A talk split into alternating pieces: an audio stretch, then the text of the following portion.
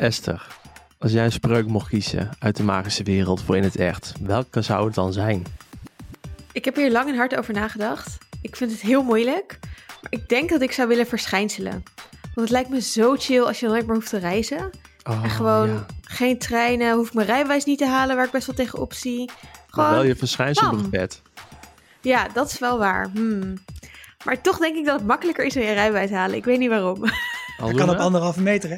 Nee, hetzelfde, sowieso. Dat je gewoon ook geen milieubelasting als je even naar Italië wil, maar pastaatje te eten of zo. Lijkt me echt chill. Moet je dan eigenlijk met een mondkapje verdwijnselen? Eh, ja, als je naar Italië wil wel, want daar willen ze dat natuurlijk wel. Ik zou ook trouwens wel heel graag als formeerspreuk willen kunnen. Ja, hè, Ja. Accio. Oh man. Hmm. Maar onze baby's geven wij nu ook de Accio-spreuk, want die gaat heel hard janken als hij wat wil. En dan zegt Sarah, Sander, het is Accio papa. Jij moet erop af. I love it. Dit is de Vierkante Ogen Show, de popcultuurpodcast van dag en nacht. En vandaag spreken we Harry Potter en de vuurbeker. Ja, en we zijn alweer op de helft vandaag van onze Harry Potter reeks mensen. Hoe zielig vinden we Wow. onszelf? Nou, Heel mee, zielig. toch? Vooral maar de dat je nu boeken worden alleen maar dikker. precies zo'n heel dik boek moet lezen binnen een week. Ja, cool toch?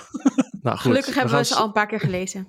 Inderdaad. Een paar keer Hey, maar. En, eh, we zijn dus alweer over de helft. Mocht je nu pas inhaken, we doen het eh, met alle spoilers, want we gaan echt verticaal, horizontaal, diagonaal door Harry Potter heen. We bespreken alles. We schromen niks. We zeggen alles. Nou, voordat we de vuurbeker gaan ontsteken, zal ik even het plot voor jullie samenvatten. Een goed plan? Oké. Ik ga het weer voorlezen. Dat Sikko vorige week. Vond ik echt een succes. Harry. Harry begint zijn vierde jaar op Zwijnstein. Maar niet voordat hij onder andere met de Wemels naar het WK Zwerkbal is geweest. Al daar dagen dooddoeners op verschijnt de, en verschijnt de duistere teken.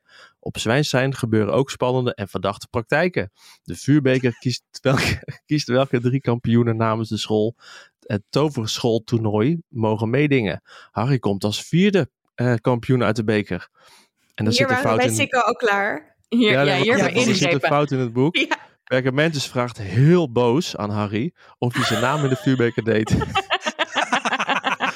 Dan moet hij drie, ja, dan moet hij drie gevaarlijke taken doen. Eh, nou, wordt hij indirect door Twaaloog Dolleman Nee, vier, Die want is hij moet eigenlijk ook lijkt. nog een meisje uitvragen. Dat Ja. vind ik Ja, wel sorry. het allerengste. De vierde taak. Goed, het blijkt allemaal een plot om Voldemort, eh, die Harry zijn bloed nodig heeft om eh, zijn lichaam terug te krijgen. En het lukt. De heer van het duister is herrezen. Pam, pam, pam, pam. Papa. Dat was wel echt een volle minuut, Oh. Sander. Maar er was Mm, ook heel 30 veel liefde seconden. en intrige en, en pubergedrag. Ja, en Ja. Hedwig was een tijdje boos op Harry. En Ron. En Ja. Shit. Shit Ja. happened. Vergeet niet over de shit. En de eerste keer gaat er een leerling dood. Dat is echt heftig. Wow, ja. Major ik heb hele plot. segmenten uit mijn plot niet voorgelezen. Sorry, ik werd heel afgeleid. Ja, sorry, maar kort is kort. Kort Ik kort. weet Ja. dat ik mezelf in de vingers snij, want volgens mij moet ik dit volgende week doen. Ja. Ehm, en ik ga het waarmaken. Dit wordt dat? uitdaging voor de hele week. Oh my god, love Je it. gaat de Orde van de Phoenix samenvatten. Ja, in, in drie zinnen. Hoe dan? Gewoon iedereen is boos. Iedereen is Hey, boos Almena. einde. Boek. Kan Oh. jij alles jouw eerste herinnering eh, samenvatten aan dit boek? Dan gaan we gewoon lekker door naar de hersenpan. Dat kan ik. Ik heb hier een hele leuke eerste herinnering aan. Want dit was het eerste boek waar ik echt heb zitten wachten tot het uitkwam. En dat weet ik nog heel goed, want ik zat in groep 7. Het was in 2000. En ehm, ik weet nog dat ik dit boek vroeg voor Sinterklaas, maar dat het net niet op tijd uit was voor Sinterklaas. Want ik wilde natuurlijk de vertaling lezen. En toen kreeg ik een bon waarmee je dan een paar weken later naar de kinderboekenwinkel kon om het op te halen. En daar ging ik dan dus s'avonds laat met mijn vader naartoe. En er waren uilen en iedereen was verkleed. En het was Oh. heel laat s'avonds. Dus waarschijnlijk was Een het zeg maar half tien of zo. Ja. Op een 2000, vrijdagavond. En ik heb het hele weekend gelezen en love it. Dat is mijn eerste Ja, herinnering aan er dit boek. waren uilen. Er waren echte uilen. toelichting? Nee, echt uilen. In Ja. kooitjes of aan touwtjes? Nee, Dit was Ja, natuurlijk een kinderboekwinkel in. Amsterdam. Dit was de kinderboekwinkel in Amsterdam. Die pakte uit. Er waren wel heel veel andere kinderen, als je dat bedoelt. Ja. Dat is bloedvervelend. Of niet? Is dat Verder in de het- kinderboekenweek? Het was echt, I loved it. Hé, hey, en Sikko? Nou, bij mij was er niks spannends, want ik woonde toen nog in Nieuwegein. Eh maar dit is wel voor het eerst dat ik in aanraking kwam met de natuurwet. En dit is de natuurwet van Harry Potter boeken. En die leest zo, als je over de helft bent, dan lees je het in één ruk uit. Ja. En het gebeurde mij vannacht weer, want ik was over de helft en ik heb het gewoon uitgelezen. Het was half drie, tikkeltje laat. Wow. Mijn dochter werd alweer wakker. En wat ik echt wel heel bijzonder vond aan dit boek, dat had, heb ik mij niet zo herinnerd, maar ik ben echt één keer heb ik tranen over mijn wangen gehad terwijl Oh. ik dit boek las. En dat was op het moment dat Harry een knuffel krijgt van Mrs. Weasley aan het einde. Ah. En dat is Oh, zo lekker mooi. Ja. Ik moest gisteren huilen toen Carlo doodging op de film. Ik durf het bijna niet te zeggen. Ik ben Ah. echt een softie geworden sinds mijn zoon is geboren. Ik moet overal over janken om de havenklap. Oh, Ik vind het vooral gewoon heel lief. Ik zal er Ik ook. Ik vind het ook heel lief. Heb Esther, jij hebt ook een herinnering aan het boek. De eerste herinnering. Ja, het- ik zit nu te denken over Sinterklaas, want het kwam inderdaad in december 2000 uit. Hoe dom zijn die mensen dat ze dan niet voor Sinterklaas hebben gedaan? Maar de Engelse Maar kwam natuurlijk zijn op ze tijd Brits. uit voor kerst. Nee, Maar de voor Nederland- in juli kwam de Engelse uit. Heb ik opgezocht. Serieus? Juli 2000? Zoveel ja. eerder. Oh, wauw. Ja, juli Mooi. 2000 en dan de, de Nederlands kwam in december 2000 uit. Ehm, en eh, eh, wat ik vooral nog weet, dus ik, nou, ja, ik woon in Alkmaar, daar was ook niet een, een mega feest, in ieder geval niet dat ik me kan herinneren. Maar ik kan me wel herinneren dat ik het ging lezen en dat ik het heel raar vond dat het eerste hoofdstuk niet begon bij Harry. Ja, Dit, ja. dit is een cold opening voor het eerst. Of in ieder geval een, een cold opening is niet helemaal het goede woord. Maar wel een soort van een totaal ander iets. En dat ik echt dacht, huh? Dit is niet, huh? Wat gebeurt hier? En dat ik ook later dat nog terug heb gelezen. Omdat ik gewoon zo aan het zoeken was van, oh, waar- wanneer komt Harry? Dat, dat is belangrijk, dat wil ik lezen. Dat ik pas later eigenlijk dat hele deel van het verhaal een beetje vatte. Eh, en wat Maar ik ook wel leuk vond... Want Ja? hier is het eigenlijk nog wel echt een droom die Harry heeft. Terwijl bijvoorbeeld in boek 6 heb je echt hoofdstukken die losstaan van Harry en die Harry dus ook niet ziet. Dus het is een soort van Ja. bruggetje. Ja, ja, dit is inderdaad wel- de overgang. maar wel door Voldemort gezien worden, vaak. Misschien dat dat wel de Hmm. connectie dan weerspiegelt. Cool. Oh ja. Ik onderbrak je, Esther. Nou, ik wilde nog zeggen dat ik eh, dus er vandaag even wat over ging opzoeken wanneer het was uitgekomen. En dat ik toen zag dat deze, dit het enige Harry Potter boek is dat een Hugo Award heeft gewonnen. Dat is eigenlijk de grootste fantasyprijs, sci-fi prijs in Amerika. En is bijvoorbeeld ook door eh, Game of Thrones, eh, meerdere Game of Thrones delen hebben dat gewonnen. Eh, dus ik vond het wel grappig dat dit dus het, ofwel het meest fantasy deel is, ofwel het meest, ik weet niet, het beste voor die prijs in aanmerking kwam. Vond ik interessant. Raken. Aluna? Ja, ik wilde ook nog zeggen dat dit het eerste boek is waarop die lelijke letters staan. Want die, de Nederlandse eh, vormgeving is echt super mooi. En die heeft ook heel veel prijzen gewonnen. En die is ook later overgenomen door een aantal andere landen. Dus bijvoorbeeld in Italië kun je eh, de Italiaanse versie van Harry Potter kopen met dus de Nederlandse voorkant. Het Wat heel in het grappig Italiaans? Ehm, Harry ik Potter. heb de derde en die heet Il Prigioniero di Azkaban. En Cool. professor Dumbledore heet professor Silente.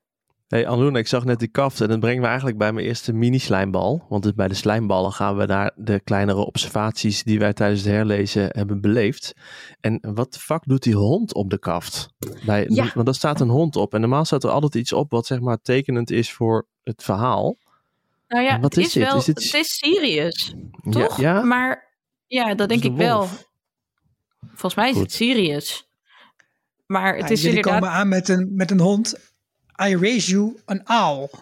Ah. Want dat, de Hey. Britse variant staat op de achtergrond een soort... Dat zei ik nog. Het Maar is dit boven eh, Harry. de vuurbeker? Een belangrijk plotpunt. Oké, wie wil aanvangen met zijn slijmbal? ik, denk, ik denk dat Sikko wil beginnen. Nou, ik was even gewoon een heel klein dingetje vooraf. Als je kijkt naar de afgelopen boeken en je kijkt naar de titels, dan hè, de, de, de Steen der Wijze, de Geheime Kamer, de Gevangenen van Azkaban.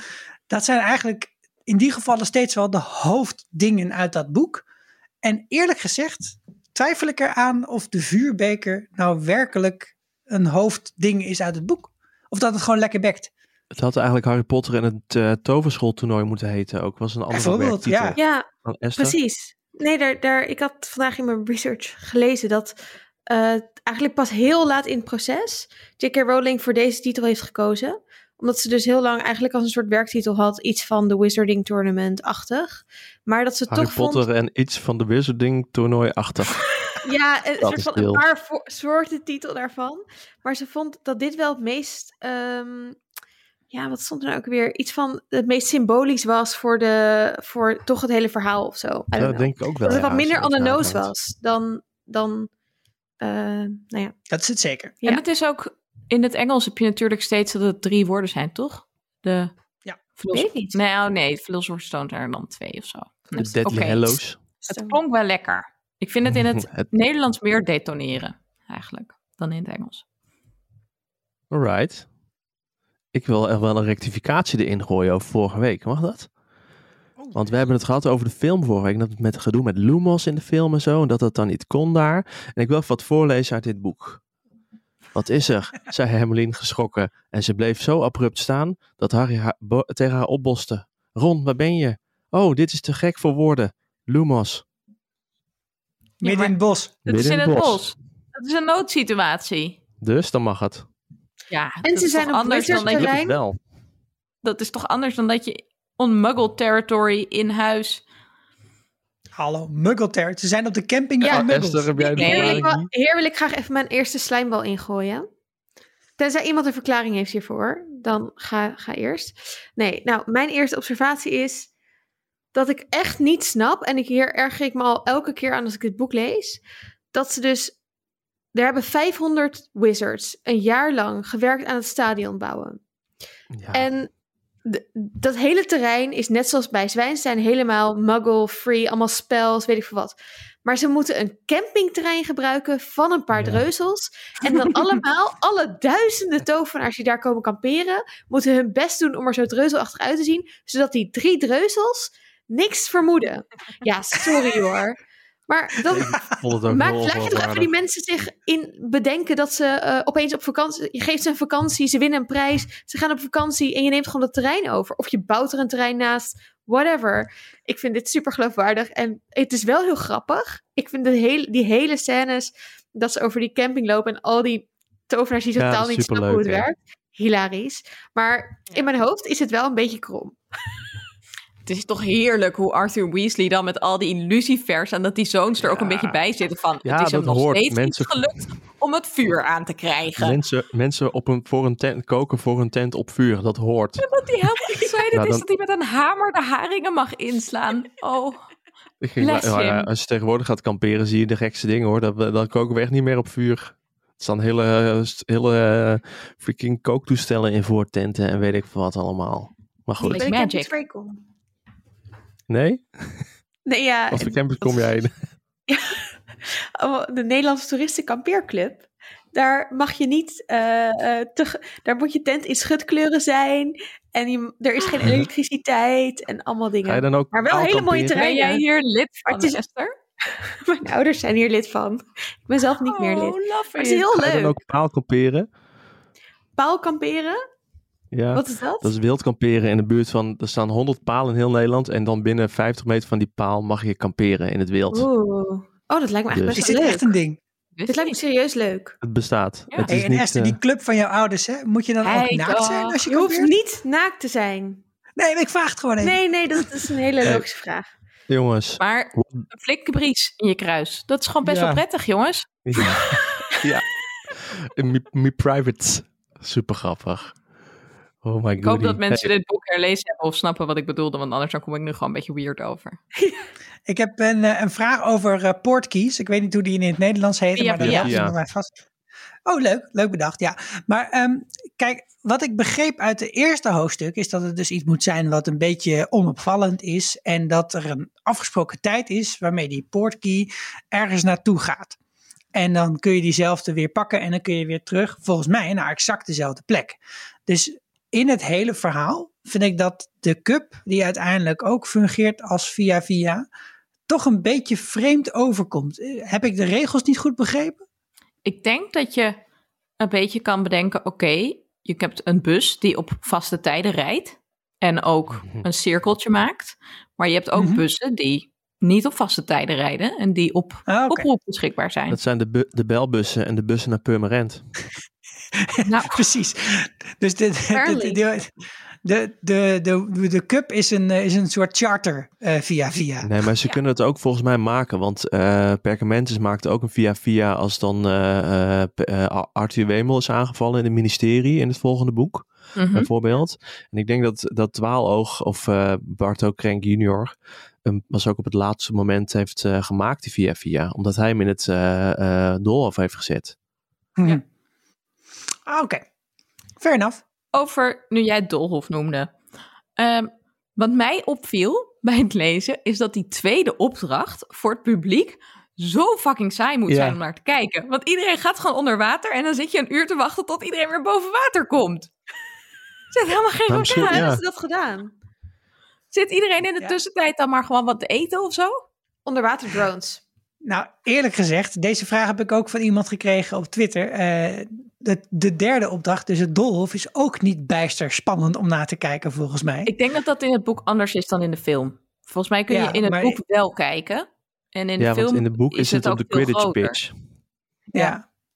Nou ja, en, en het, in het boek is het ook dat alles binnen die arena blijft bij die draken. Maar in, eh, in de Mhm. film gaat het er helemaal buiten. Is natuurlijk ook helemaal geen bout aan. Nee, dat Dus is nou ja, als je in de film hebt gekeken naar het toernooi, dan had je een heel saai toernooi. Ook over het tournament. Waarom is Fleur zo slecht? Ja, seksist. Er Meteen. is maar één verklaring, Er is maar één verklaring. Het is seksisme. Het is gewoon best wel stom. Nee, vond ik, ik vind het ook jammer. Ja. Ja. En Maar ik het is weet wel niet, mooi, maar- maar dat is hetzelfde argument. Ja, ja dus Eigenlijk eigenlijk, dat helpt. dat is natuurlijk ook heel leuk. Heel Maar het mooi. is ook wel in het karakter. Dan is een het een. Glamorgana voor 1 achtste. Vila. Over Fleur gesproken, een vraagje. Kijk, van die andere twee scholen worden dus mensen meegenomen die kunnen meedoen aan het toernooi. Want ze zijn namelijk over een bepaalde Jongens, een leeftijd heen, et cetera. Ja, het spijt me. En ze hebben dus eh, van Beaubaton hebben ze Fleur meegenomen, maar ook haar zusje. Nee, dat is alleen in die Pourquoi? domme kutfilm. Sorry. Ik had me voorgenomen om aardiger We gaan te zijn. straks, we gaan straks over de film ranten. Annaluna. Maar Annaluna heeft gelijk. Want dat zusje, dat wordt ingevlogen ja, die komt voor later die aan. Opdracht.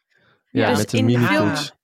En in de film zijn het ook alleen maar vrouwen op een vrouwenschool... die allemaal heel lieflijk met vlindertjes komen aanwaaien... en allemaal stoere mannen ja. van de mannenschool. Maar in het boek En die niet. geïntroduceerd worden met een inzoom shot op hun billen. Wat echt Ja, dat weird ik is. Oké. Dat was mij niet opgevallen. Oké, maar Nee, ik ga maar iets zeggen wat over. Ja. Ehm, wat ik heel leuk vond... en me eigenlijk pas tijdens deze keer lezen opviel... wat echt wow, want ik heb het vaak gelezen... ehm, is dat ze les krijgen van, eh, van Moody, van Dollemans... en dat die eh, hen gaat leren over de, de ehm, eh, dodelijke vloeken, zeg maar. Vloeken. Onvergeeflijke vloeken. En dan een les later gaan ze allemaal op elkaar de eh Cruciatus... eh, eh, nee, de... Sorry. Nee. Imperium. Imperium. Imperium Gezellig. Dit is boek 7 waar je mee verward bent. Ja, oeps.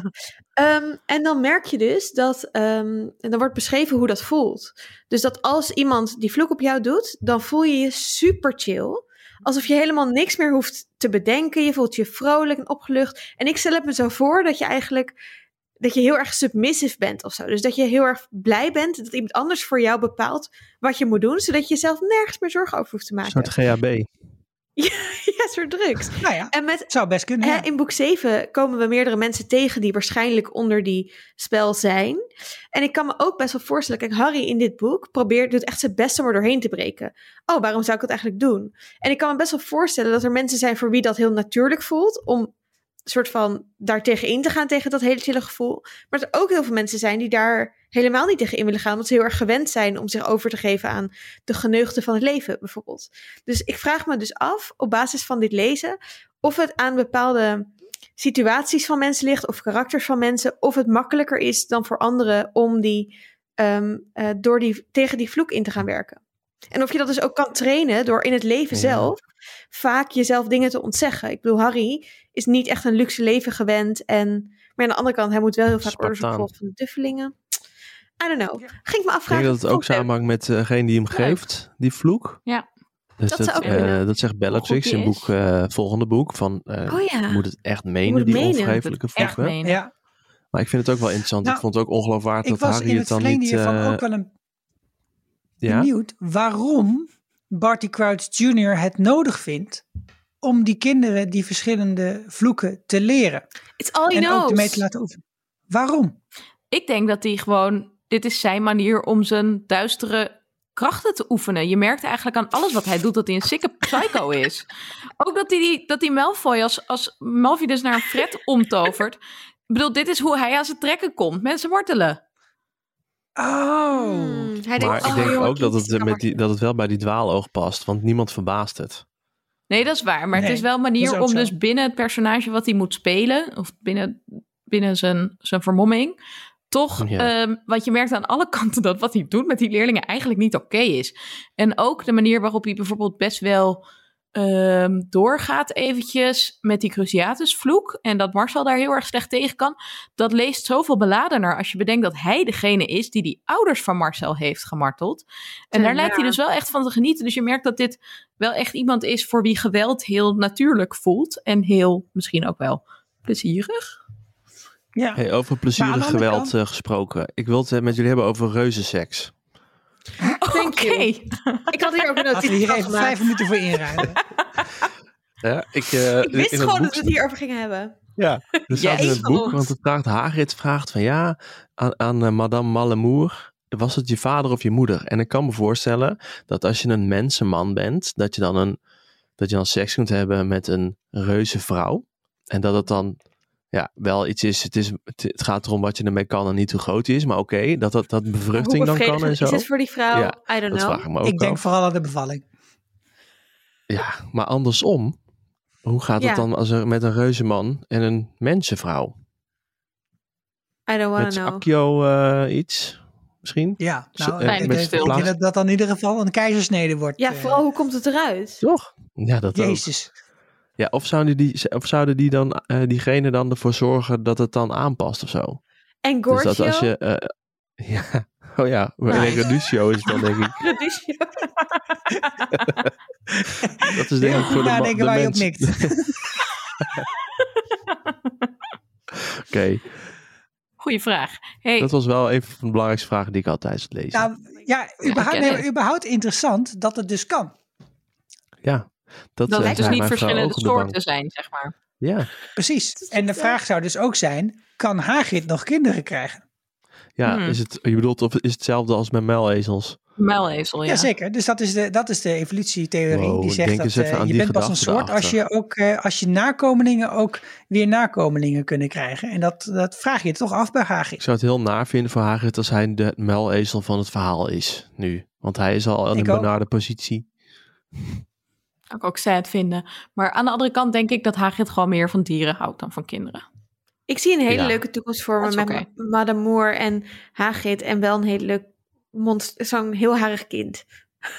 en heel Ik groot. ging een monster zeggen, hè? Ja, monsterachtig. Ja, echt wat gemeen, maar Oh, dat lijkt me Hey, voor Hagrid heel what- what leuk. up? Hagrid zou dat fantastisch vinden. Ja. soortism. Hey, what up met, met freaking alcoholische paarden uit Frankrijk die Schots, Schotse whisky drinken? Paarden ever.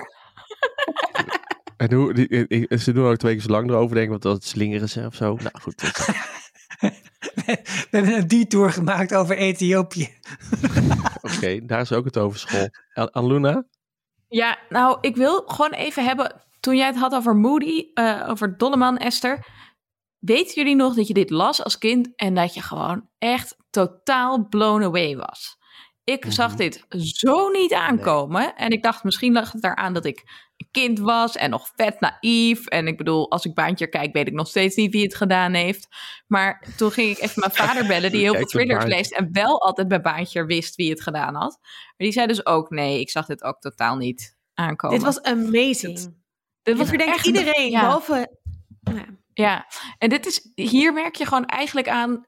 ehm, dit, is een, dit is een thriller. Net als boek 3 is eigenlijk ook ineens. En boek 1 heb je het eigenlijk ook al wel met Krinkel. Dat je, je zit de hele tijd op Snape. En ineens is het wow. En het is zo vet. En er zijn hints gedropt. Dus als je heel goed gelezen hebt. Of als je het van tevoren weet. Dan kun je het wel volgen. Maar het is zo vet. Het is zeker op het moment dat hij dus Barty Crouch op de sluipwegwijzer ziet, dan zou je eigenlijk op basis van het tweede, derde boek zou je alle alarm, alarmbellen moeten afgaan. Van dat ding ligt nooit, je weet zeker dat is hem. Nou, is natuurlijk een beetje een flauw ding dat hij niet junior achter staat, maar fair. Maar daarna, ik, ik zat er ook heel erg op te letten bij het lezen van hoe zou je Ja. dan dit toch kunnen vergeten. Maar de scène daarna is heel erg spannend. Dat is ook heel knap gedaan. En heb je ook Snape komt weer langs. Maar hij stapt dan in een trap en pleurt erin met zijn knie tot en met de halve weg eh, zo van die trap. En dan ontstaat er een heel spannend eh, moment. Dan pak, wordt ook nog die kaart van hem afgepakt. Maar dat alles bij elkaar, dat is zo spannend. Omdat er de hele tijd wordt beschreven Ja, van... oh, hij dacht dat hij denkt elk moment eh, ontdekt kon worden. En omdat je denkt Dat dat, je het die vergeet. professor Dolleman dan gewoon nog goed is, weet je wel. Dan denk je, oh, eindelijk een keer een, een docent die aardig is voor Harry. Of bijna. Ja, en hij probeert dan ook heel erg duidelijk als je dat leest, dat Dollemans ook probeert hem af te leiden. Dus je ziet wel dat hij, er staat wel dat hij heel erg schrikt als hij erachter komt wat die map doet. Maar daarna, Mhm. dit is ook het moment dat hij zegt, Harry, misschien moet je toch schouwer worden. Het past wel bij je. En dat is waar Harry later in bed nog over na ligt te denken. Super slim. Zo en dat is ook iets waar ik zelf ook best wel over nadacht later van, waarom zegt hij dat eigenlijk? Want dit is wel iets wat Harry zich blijft onthouden. Dit heeft heel veel invloed op Harry's hele leven daarna, want nou, hij wordt ook schouwer. Maar dat zegt hij dus, denk ik, vooral om hem af te leiden. En omdat het best wel ook een schouwer move is, wat hij net heeft gedaan. Dus misschien zat het bij Moody ook heel erg in zijn hoofd. Ah, straks word ik gepakt door schouwers. Ah, oké, wat zal ik tegen jullie zeggen? Eh, eh, misschien moet je zelf schouwer worden. Ja, maar dit is wat je doet als je de aandacht wil afleiden van jezelf. Je laat Ja. mensen nadenken over Genius. zichzelf. Genius dat is, manipulator fantastisch. move. Zo slim. Echt, Voor iemand die heel helemaal Oh my gek God. is. Ja. dat wel. Misschien nog even een klein viooltje voor degene die eh, in het boek zit, maar niet in de film. Eh, namelijk meneer Bagman, de oude, de Ja, oude meneer Ludo. Bazuin. Mhm. Was Wat- zo'n wat ik zat te bedenken.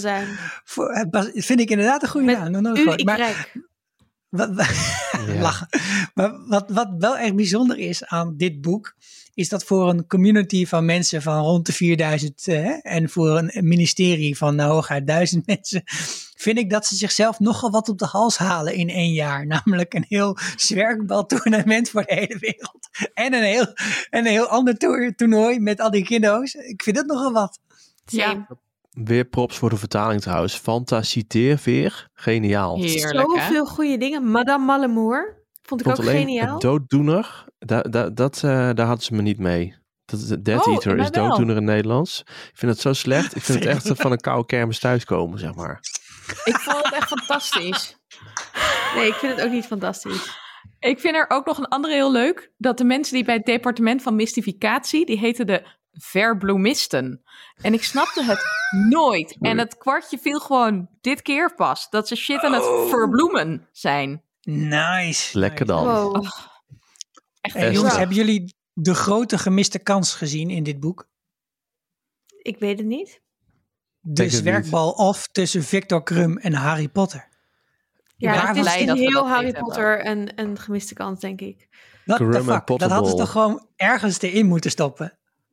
Ik vind het toch echt wel leuk op deze Je moet manier. mensen iets Ik vond- te, te raden laten. Ik vond het wel heel Oh, ja. leuk dat we Harry nu eindelijk een keer naar een andere wedstrijd zagen kijken. Want dat vind ik best wel jammer. Bedoel, de boeken zijn vanuit Harry's point of view. En we zien wat hij belangrijk vindt. En hij vindt Quidditch vet belangrijk. Dus waarom zien we dan nooit een wedstrijd tussen Zwadrig en Hufflepuff of zo? Dat wordt altijd maar heel kort zo van... Oh, Zwadrig won heel erg. En dat betekende voor de cup dat ze... mhm. Terwijl dat zou echt... Dus daarom vond ik het heel leuk dat we nu wel een wedstrijd zagen. Waarin Harry zo heel erg is van... Oh my god, Krum kan zo goed zwerkballen. Iets waar ik ook nog heel even over wil hebben, is hoe gemeen Snape in dit boek is. Oh Vooral man, tegen ook Hermeline. nog echt over de Ja. tanden. Oh, dus eerst Nee, over die tanden lul. en dan van, nou, ik zie het verschil niet. Maar later ook, als zij in, die, eh, in dat blad staat met het super trashy me- eh, verhaal door Rita Skeeter, dat hij dan in de klas dat Gaat gaat voorlezen. voorlezen.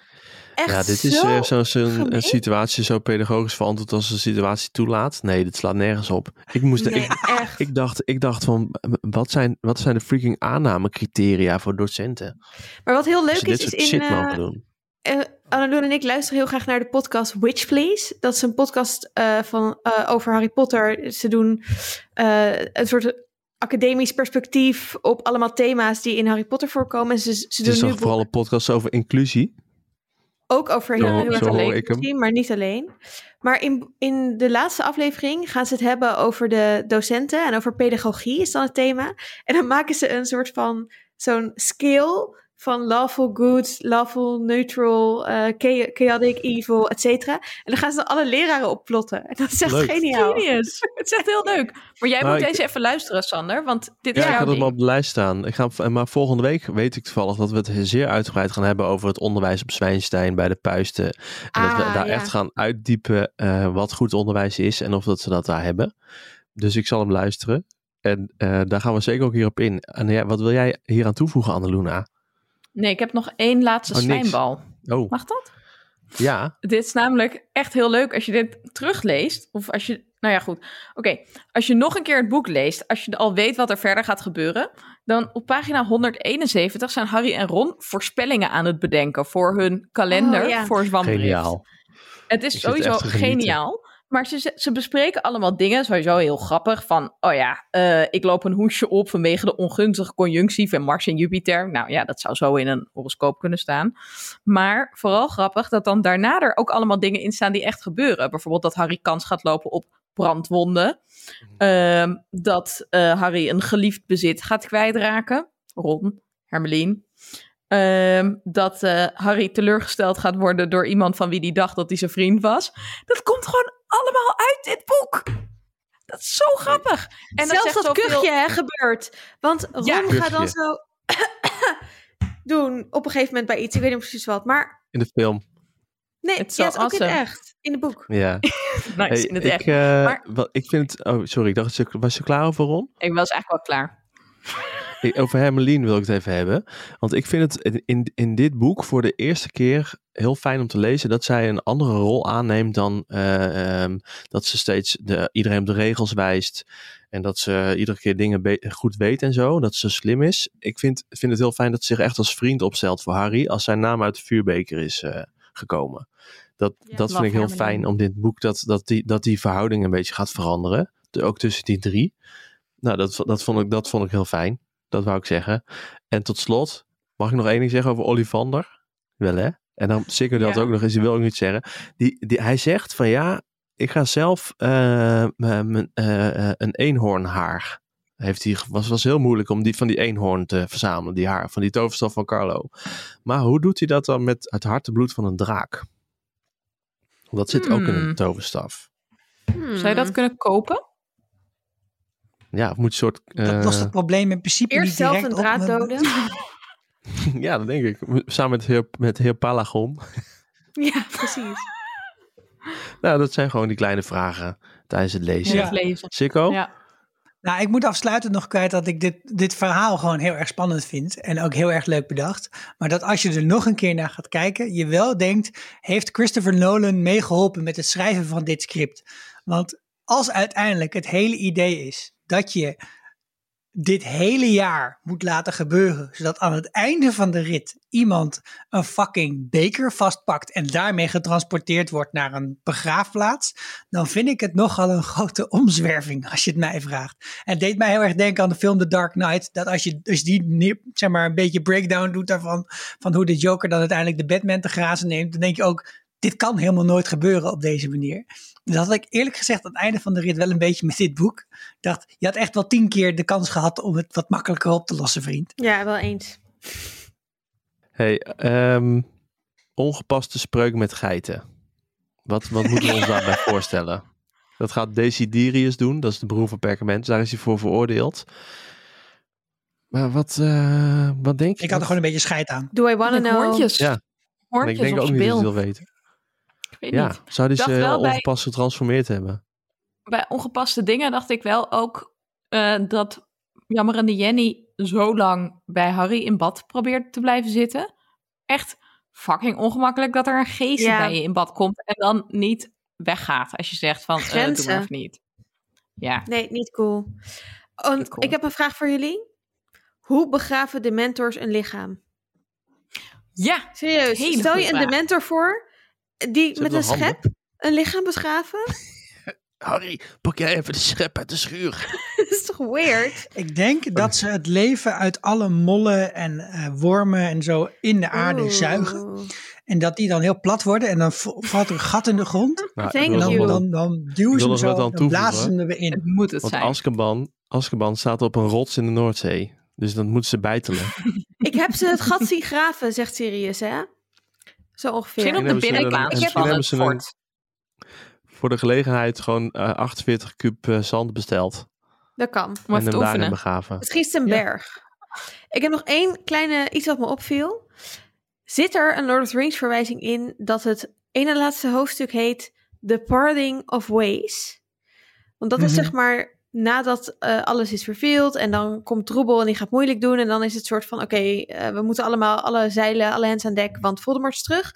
Ik vond dat wel een soort van mooie overgang van oké, we gaan allemaal hebben allemaal zo onze taak in deze strijd tegen het kwaad en die gaan we allemaal oppakken. The Parting of Ways.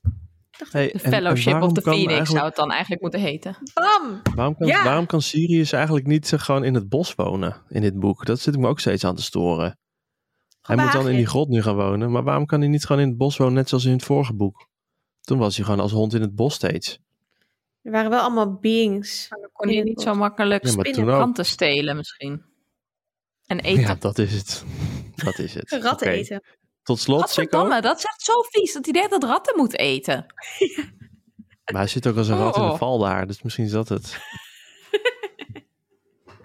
Nee, ik had bij, eh, bij het idee van die leeftijdslijn, zeg maar, die ze om de, om de cup heen, eh, om de, om de vuurbeker hebben gezet, die Dumbledore dan zelf heeft geprogrammeerd, had ik heel erg flashbacks aan mijn eigen promotietijd, dat ik ook moest programmeren, dat je altijd net vergeet één ding af te dekken. En, en dat hij dan, had, oh ja, als je een nieuwe school bedenkt, dan kun je ook iemand erin zetten. Oh, kut. Ja, Hey, over en nieuwe dat het dus werkt om gesproken. iemand anders je, je papiertje erin te laten gooien. Jee. Belachelijk. Hey, een nieuwe school bedenken, zei Chico net. Esther, jij gaat allemaal kennis over ons uitstorten, want het is tijd voor de bliksemronde.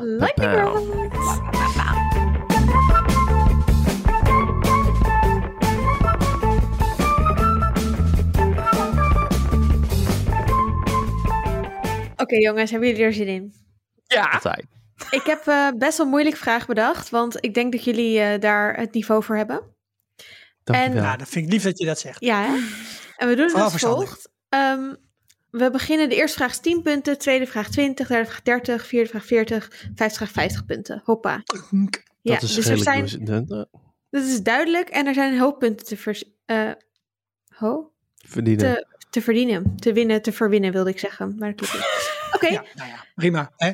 zijn jullie er klaar voor? De eerste vraag. In het begin van het boek gaan Harry en zijn kornuiten naar een wedstrijd van Ierland tegen Bulgarije. Wat is de uiteindelijke eindstand van deze wedstrijd? Annaluna's eerst. 160 tegen 170. Door wie? Eh, Ierland heeft 170. En Krum vangt de snaai. Dat is correct. 10 punten voor We hebben Annaluna. een hele zak met kaboutergoud gewonnen. Ja. Ik heb uit de goud. Zo heet het. Oké, de tweede vraag. In de eerste, ehm, het eerste, eh, ehm, wow, de eerste opdracht moet Harry het opnemen tegen de Hongaarse hoornstaart. Tegen wie moet Carlo Cannewasser het opnemen? Wat voor draak? Cedric Diggory voor de Sikko. Dat is de Swedish Short Snout. Dat klopt, de Zweedse stompsnuit. Correct. Wisten jullie dit? Geen applaus? Dankjewel. Nee, ja, ik, ik ben onder de indruk. Dat zien we. Nee, ik, wist, ik vraag me gewoon af of jullie het wisten. Oké, de derde vraag. Wie is tijdens het kerstfeest de danspartner van Fleur Delacour? Annaluna. Robbie Davids. Yes. En wat is hij? Robbie. Oh my god, hij is een Ravenclaw en een zwerkbalspeler. De aanvoerder van het zwerkbalteam. Wow, ja. Klopt, correct. Lekker. Ik dacht, hier komt vast een vraag over. Ik heb het nog opgezocht. Zo nice. Volgens mij heet hij gewoon Roger Davies. Maar- Roger Davis zou heel goed kunnen.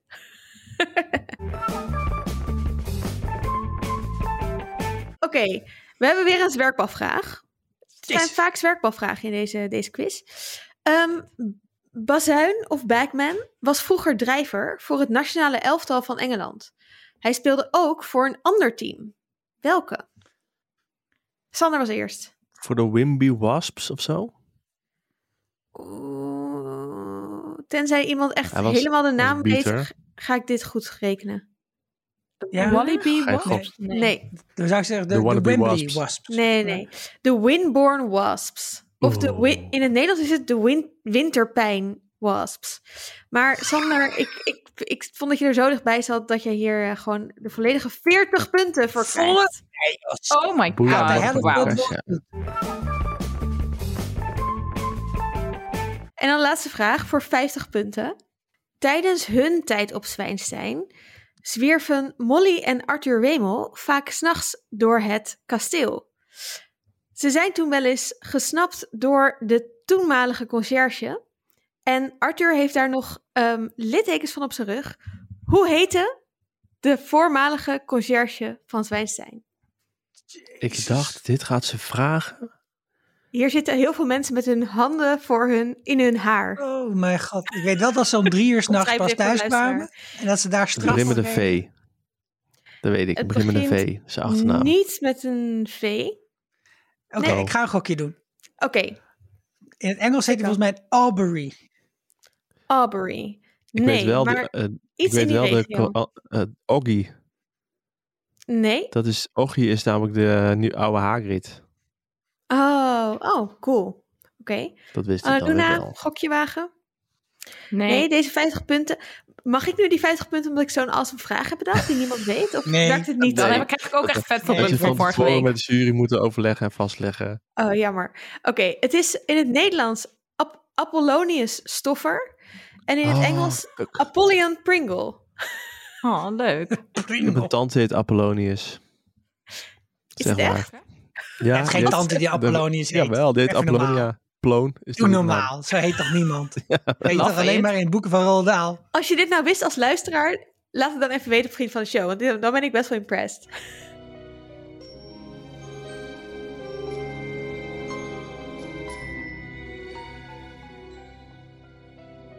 Door naar de puisten. Dan maar. Dankjewel Esther voor deze coole eh, vraag hè, van de bezig. bliksemronde. Ik ben toch blij dat ik de vraag met de meeste punten binnenhaal nu. Omdat de rest, omdat de 50 punten vraag ik niet wist. Bam. Hey, Je eh, ik heb wel evenveel gehaald. punten. Nou en?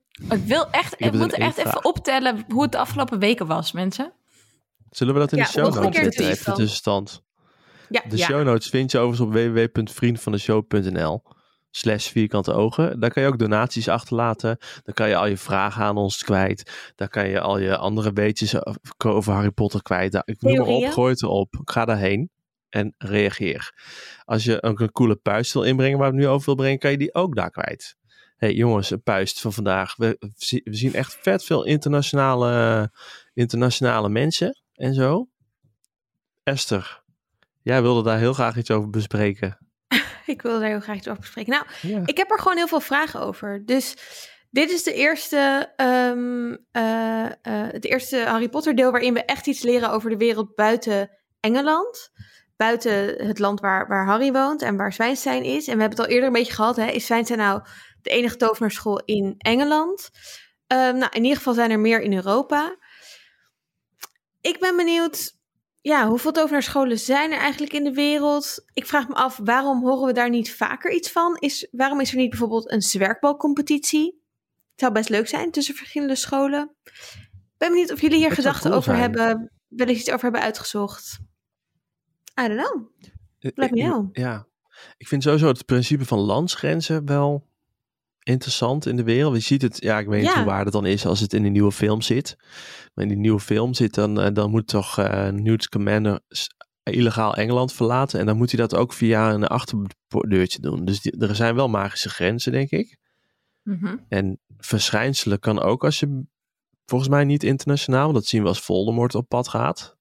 Ja, vooral niet te Dus dat- ver weg, heb ik het idee. Of niet te Dus ver hij weg kan of niet van de een Ja, op het andere moment terugkomen uit... Kan niet- eh, ja, dus je moet altijd via de uh, Brennerpas naar Italië, eh, Annaluna.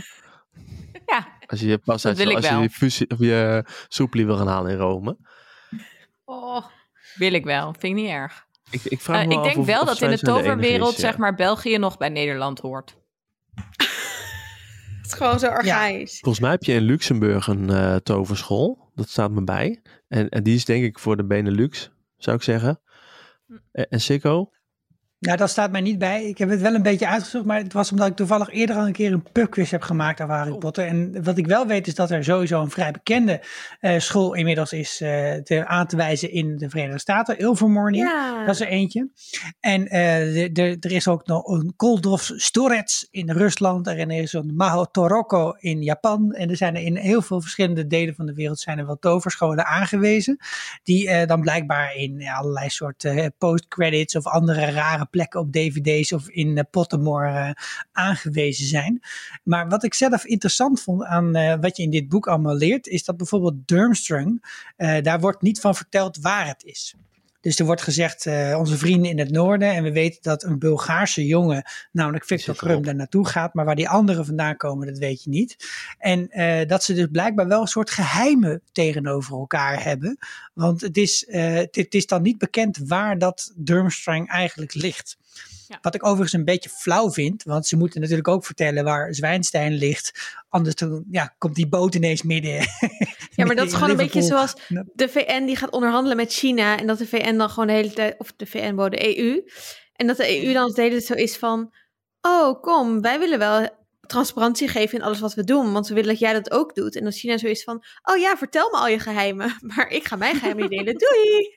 Dag. Trouwens, we hadden al vier maanden een virus. Dag. Ja, precies, doei! Later.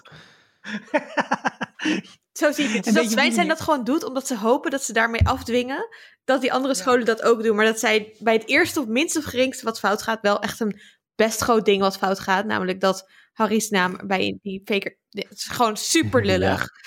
Ehm, Ja. Dat er iemand doodgaat vervolgens. Dat ook, maar met- meteen is het... Oh, nou, ik wist wel dat we dit niet konden doen. Ja, jullie zijn de eerste die je niet aan de regels houden. Dat gaan we nu lekker ook niet meer doen. Het liet Daarom wel een beetje zien, mensen ook zo ik. boos.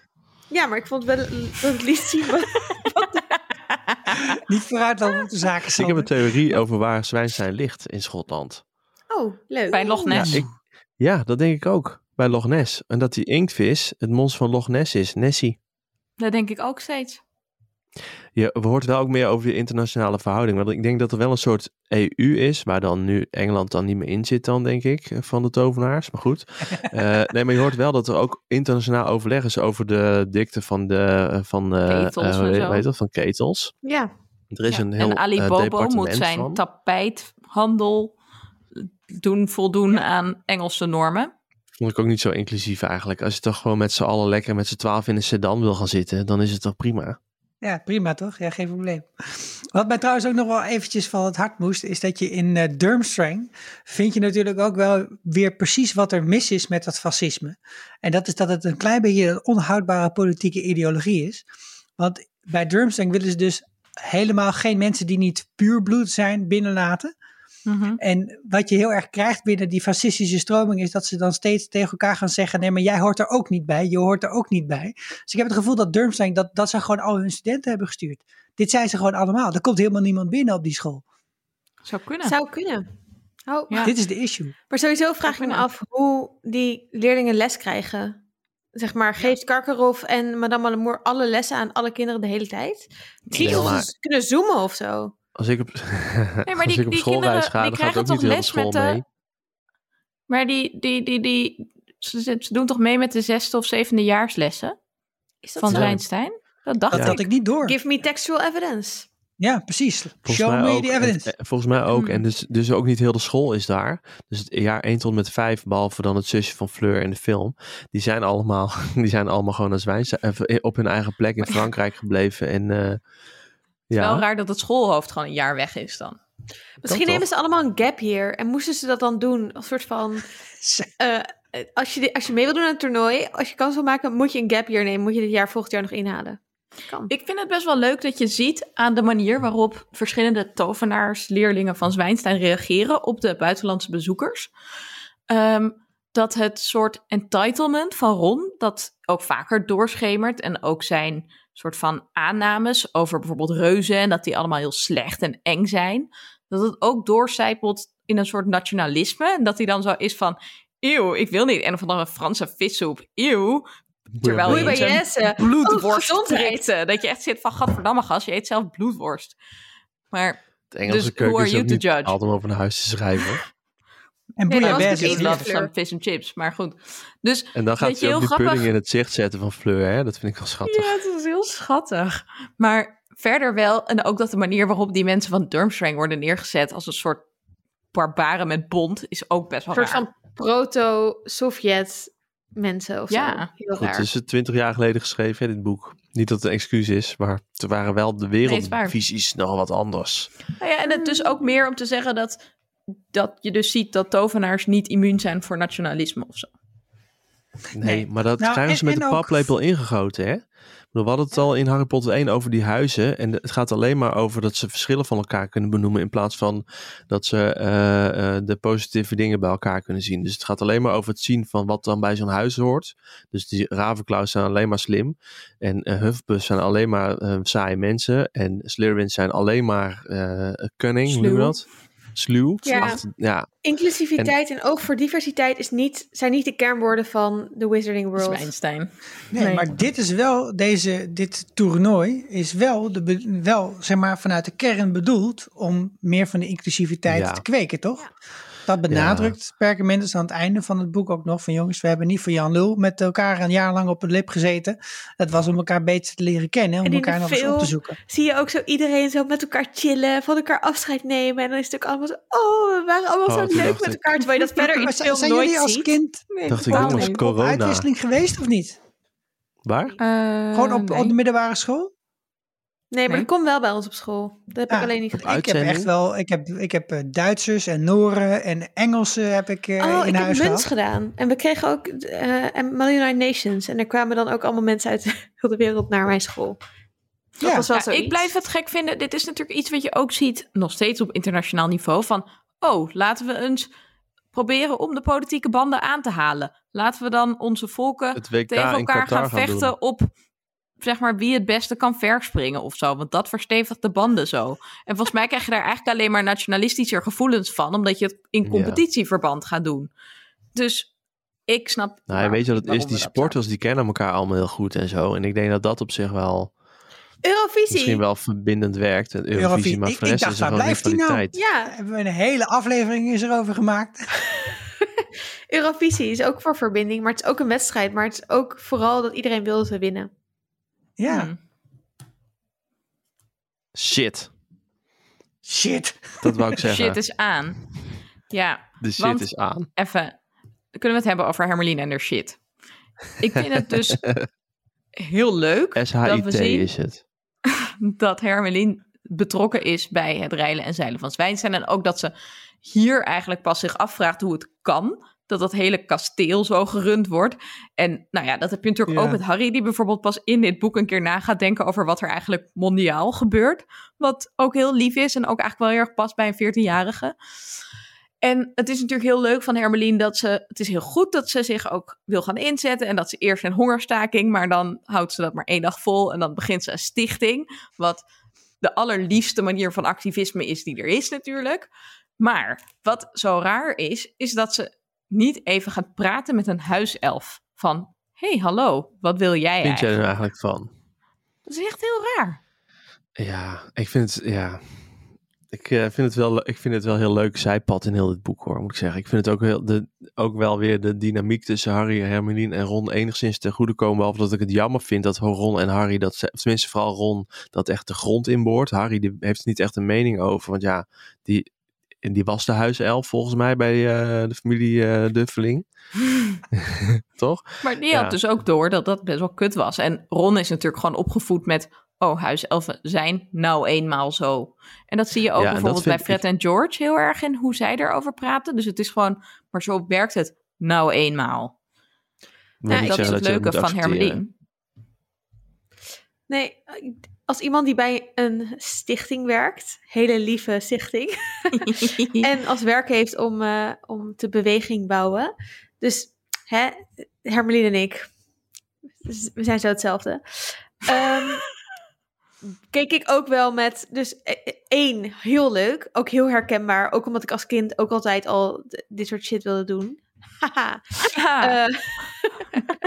Eh, ehm, Maar wel jammer dat het dan echt niet inderdaad de manier is waarop je dit eigenlijk, denk ik, het beste kan aanpakken. Dus inderdaad, waarom gaat ze niet praten met die huiselfen? Allereerst, ze heeft één, ze heeft iets wat super fijn is, ook bijvoorbeeld bij de vakbond en zo, wat je wil.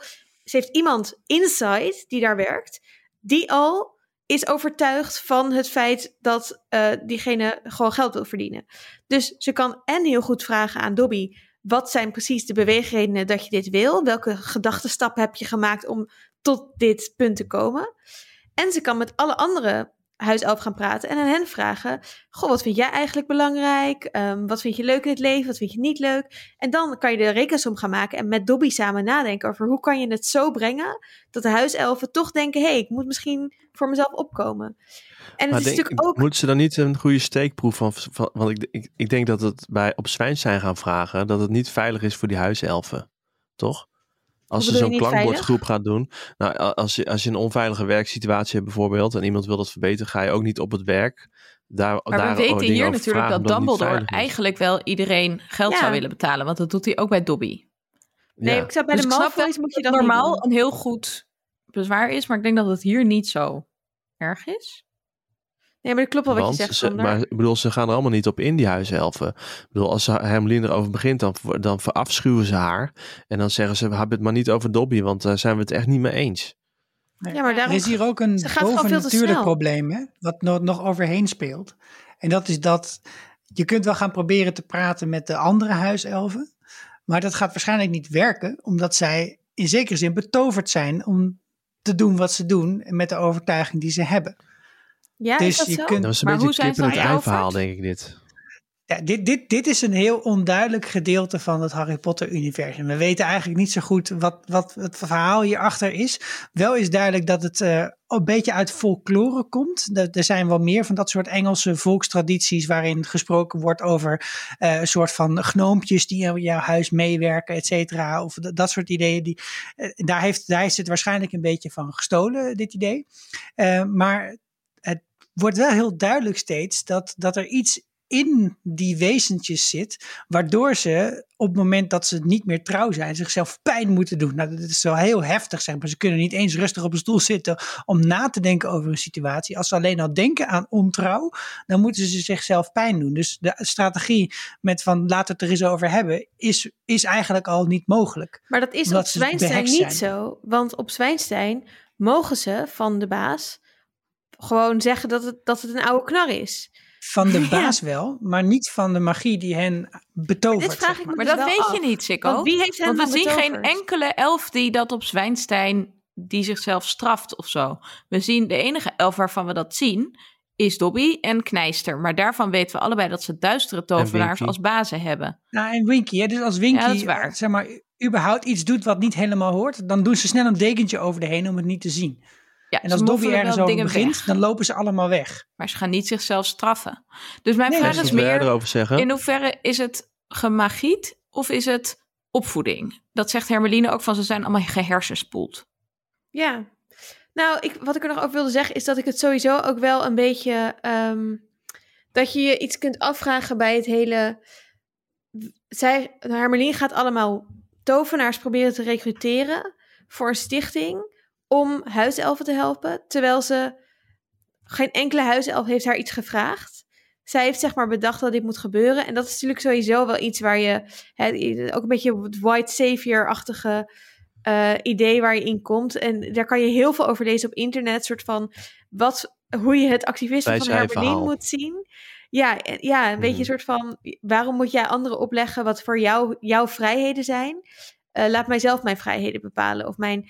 En dat vind ik best wel interessant met, met dit. Ik bedoel, het is natuurlijk veel te. eh, Wat ik al zei, als kind haal je er gewoon uit. Superleuk, ze komt op voor anderen, vet fijn. Ehm, maar ik vind het wel interessant, omdat dat gewoon echt een best wel lastige discussie is. En ook wel lastig is, je wil iets goeds doen voor de wereld. Maar wat jij goed vindt, is misschien niet wat die mensen zelf goed vinden nu. En ah, het is gewoon ingewikkeld. En dat vind ik wel leuk dat daar raakt.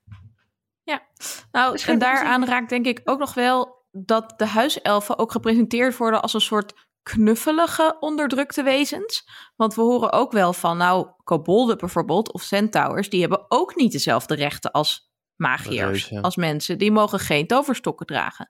En dan wordt een beetje op een gegeven moment door iemand gezegd, ik denk door Hermelien, kobolden kunnen best voor zichzelf opkomen. Terwijl die hebben alsnog een ondergeschikte positie in de maatschappij. Dus zo goed zijn ze niet voor zichzelf opgekomen. Of zo lang zijn ze door magiërs van alles ontzegd. En Daarom dat het- die dat ze KOT moet oprichten. Kobold, Organisatie voor Tolerantie en Sympathie. KOT. ik, ik weet dat Chico een hele klassificatie heeft uitgezocht van alle Ja, wezens nee, hier is wat over, over terug te vinden, dingen. over dit onderwerp. Als je het eh, boekje Fantastic Beasts and Where to Find Them eh, toevallig in huis hebt. Dat, volgens mij kan dat uit tussen het vierde en het vijfde boek als een soort van eh Daar is nu eh, ook een voor film goede van doelen of gemaakt, zo. hè, Er is ook boek. Through the Ages. Er is ook, er is ook volgens mij wel eens Ja. een documentaire over gemaakt. Die is heel erg eh, natuurgetrouw.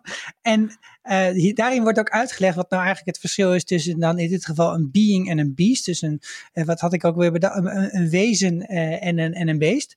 En eh, er zijn meerdere pogingen gedaan. Het, is iets minder eh, onderdrukkend eh, begonnen, in ieder geval, dan zojuist gesuggereerd werd. Er is ergens in de 14e eeuw een soort van groot congres geweest, waarbij de toenmalige minister voor magie, er was toen nog iemand die was meer een soort hoofd van een commissie, heeft, nage, heeft gesproken. Die zei: iedereen die eh, op twee benen kan lopen, is een wezen.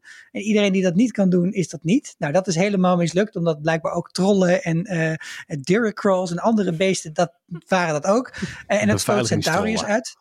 Dus toen is gezegd, nou, dan, dan geldt dat voor iedereen die de menselijke taal kan spreken. Maar daar waren de mensen uit het meer dan weer boos over. De meer mensen, die eh, vonden dat niet eerlijk. Eh, en zeg maar, de Centauriërs hebben toen het congres geblokkeerd en zijn niet gekomen. Hebben een boycott Awesome. gedaan, omdat de meer mensen niet konden komen. Ik vind de centaurs Eh, zijn mijn favo.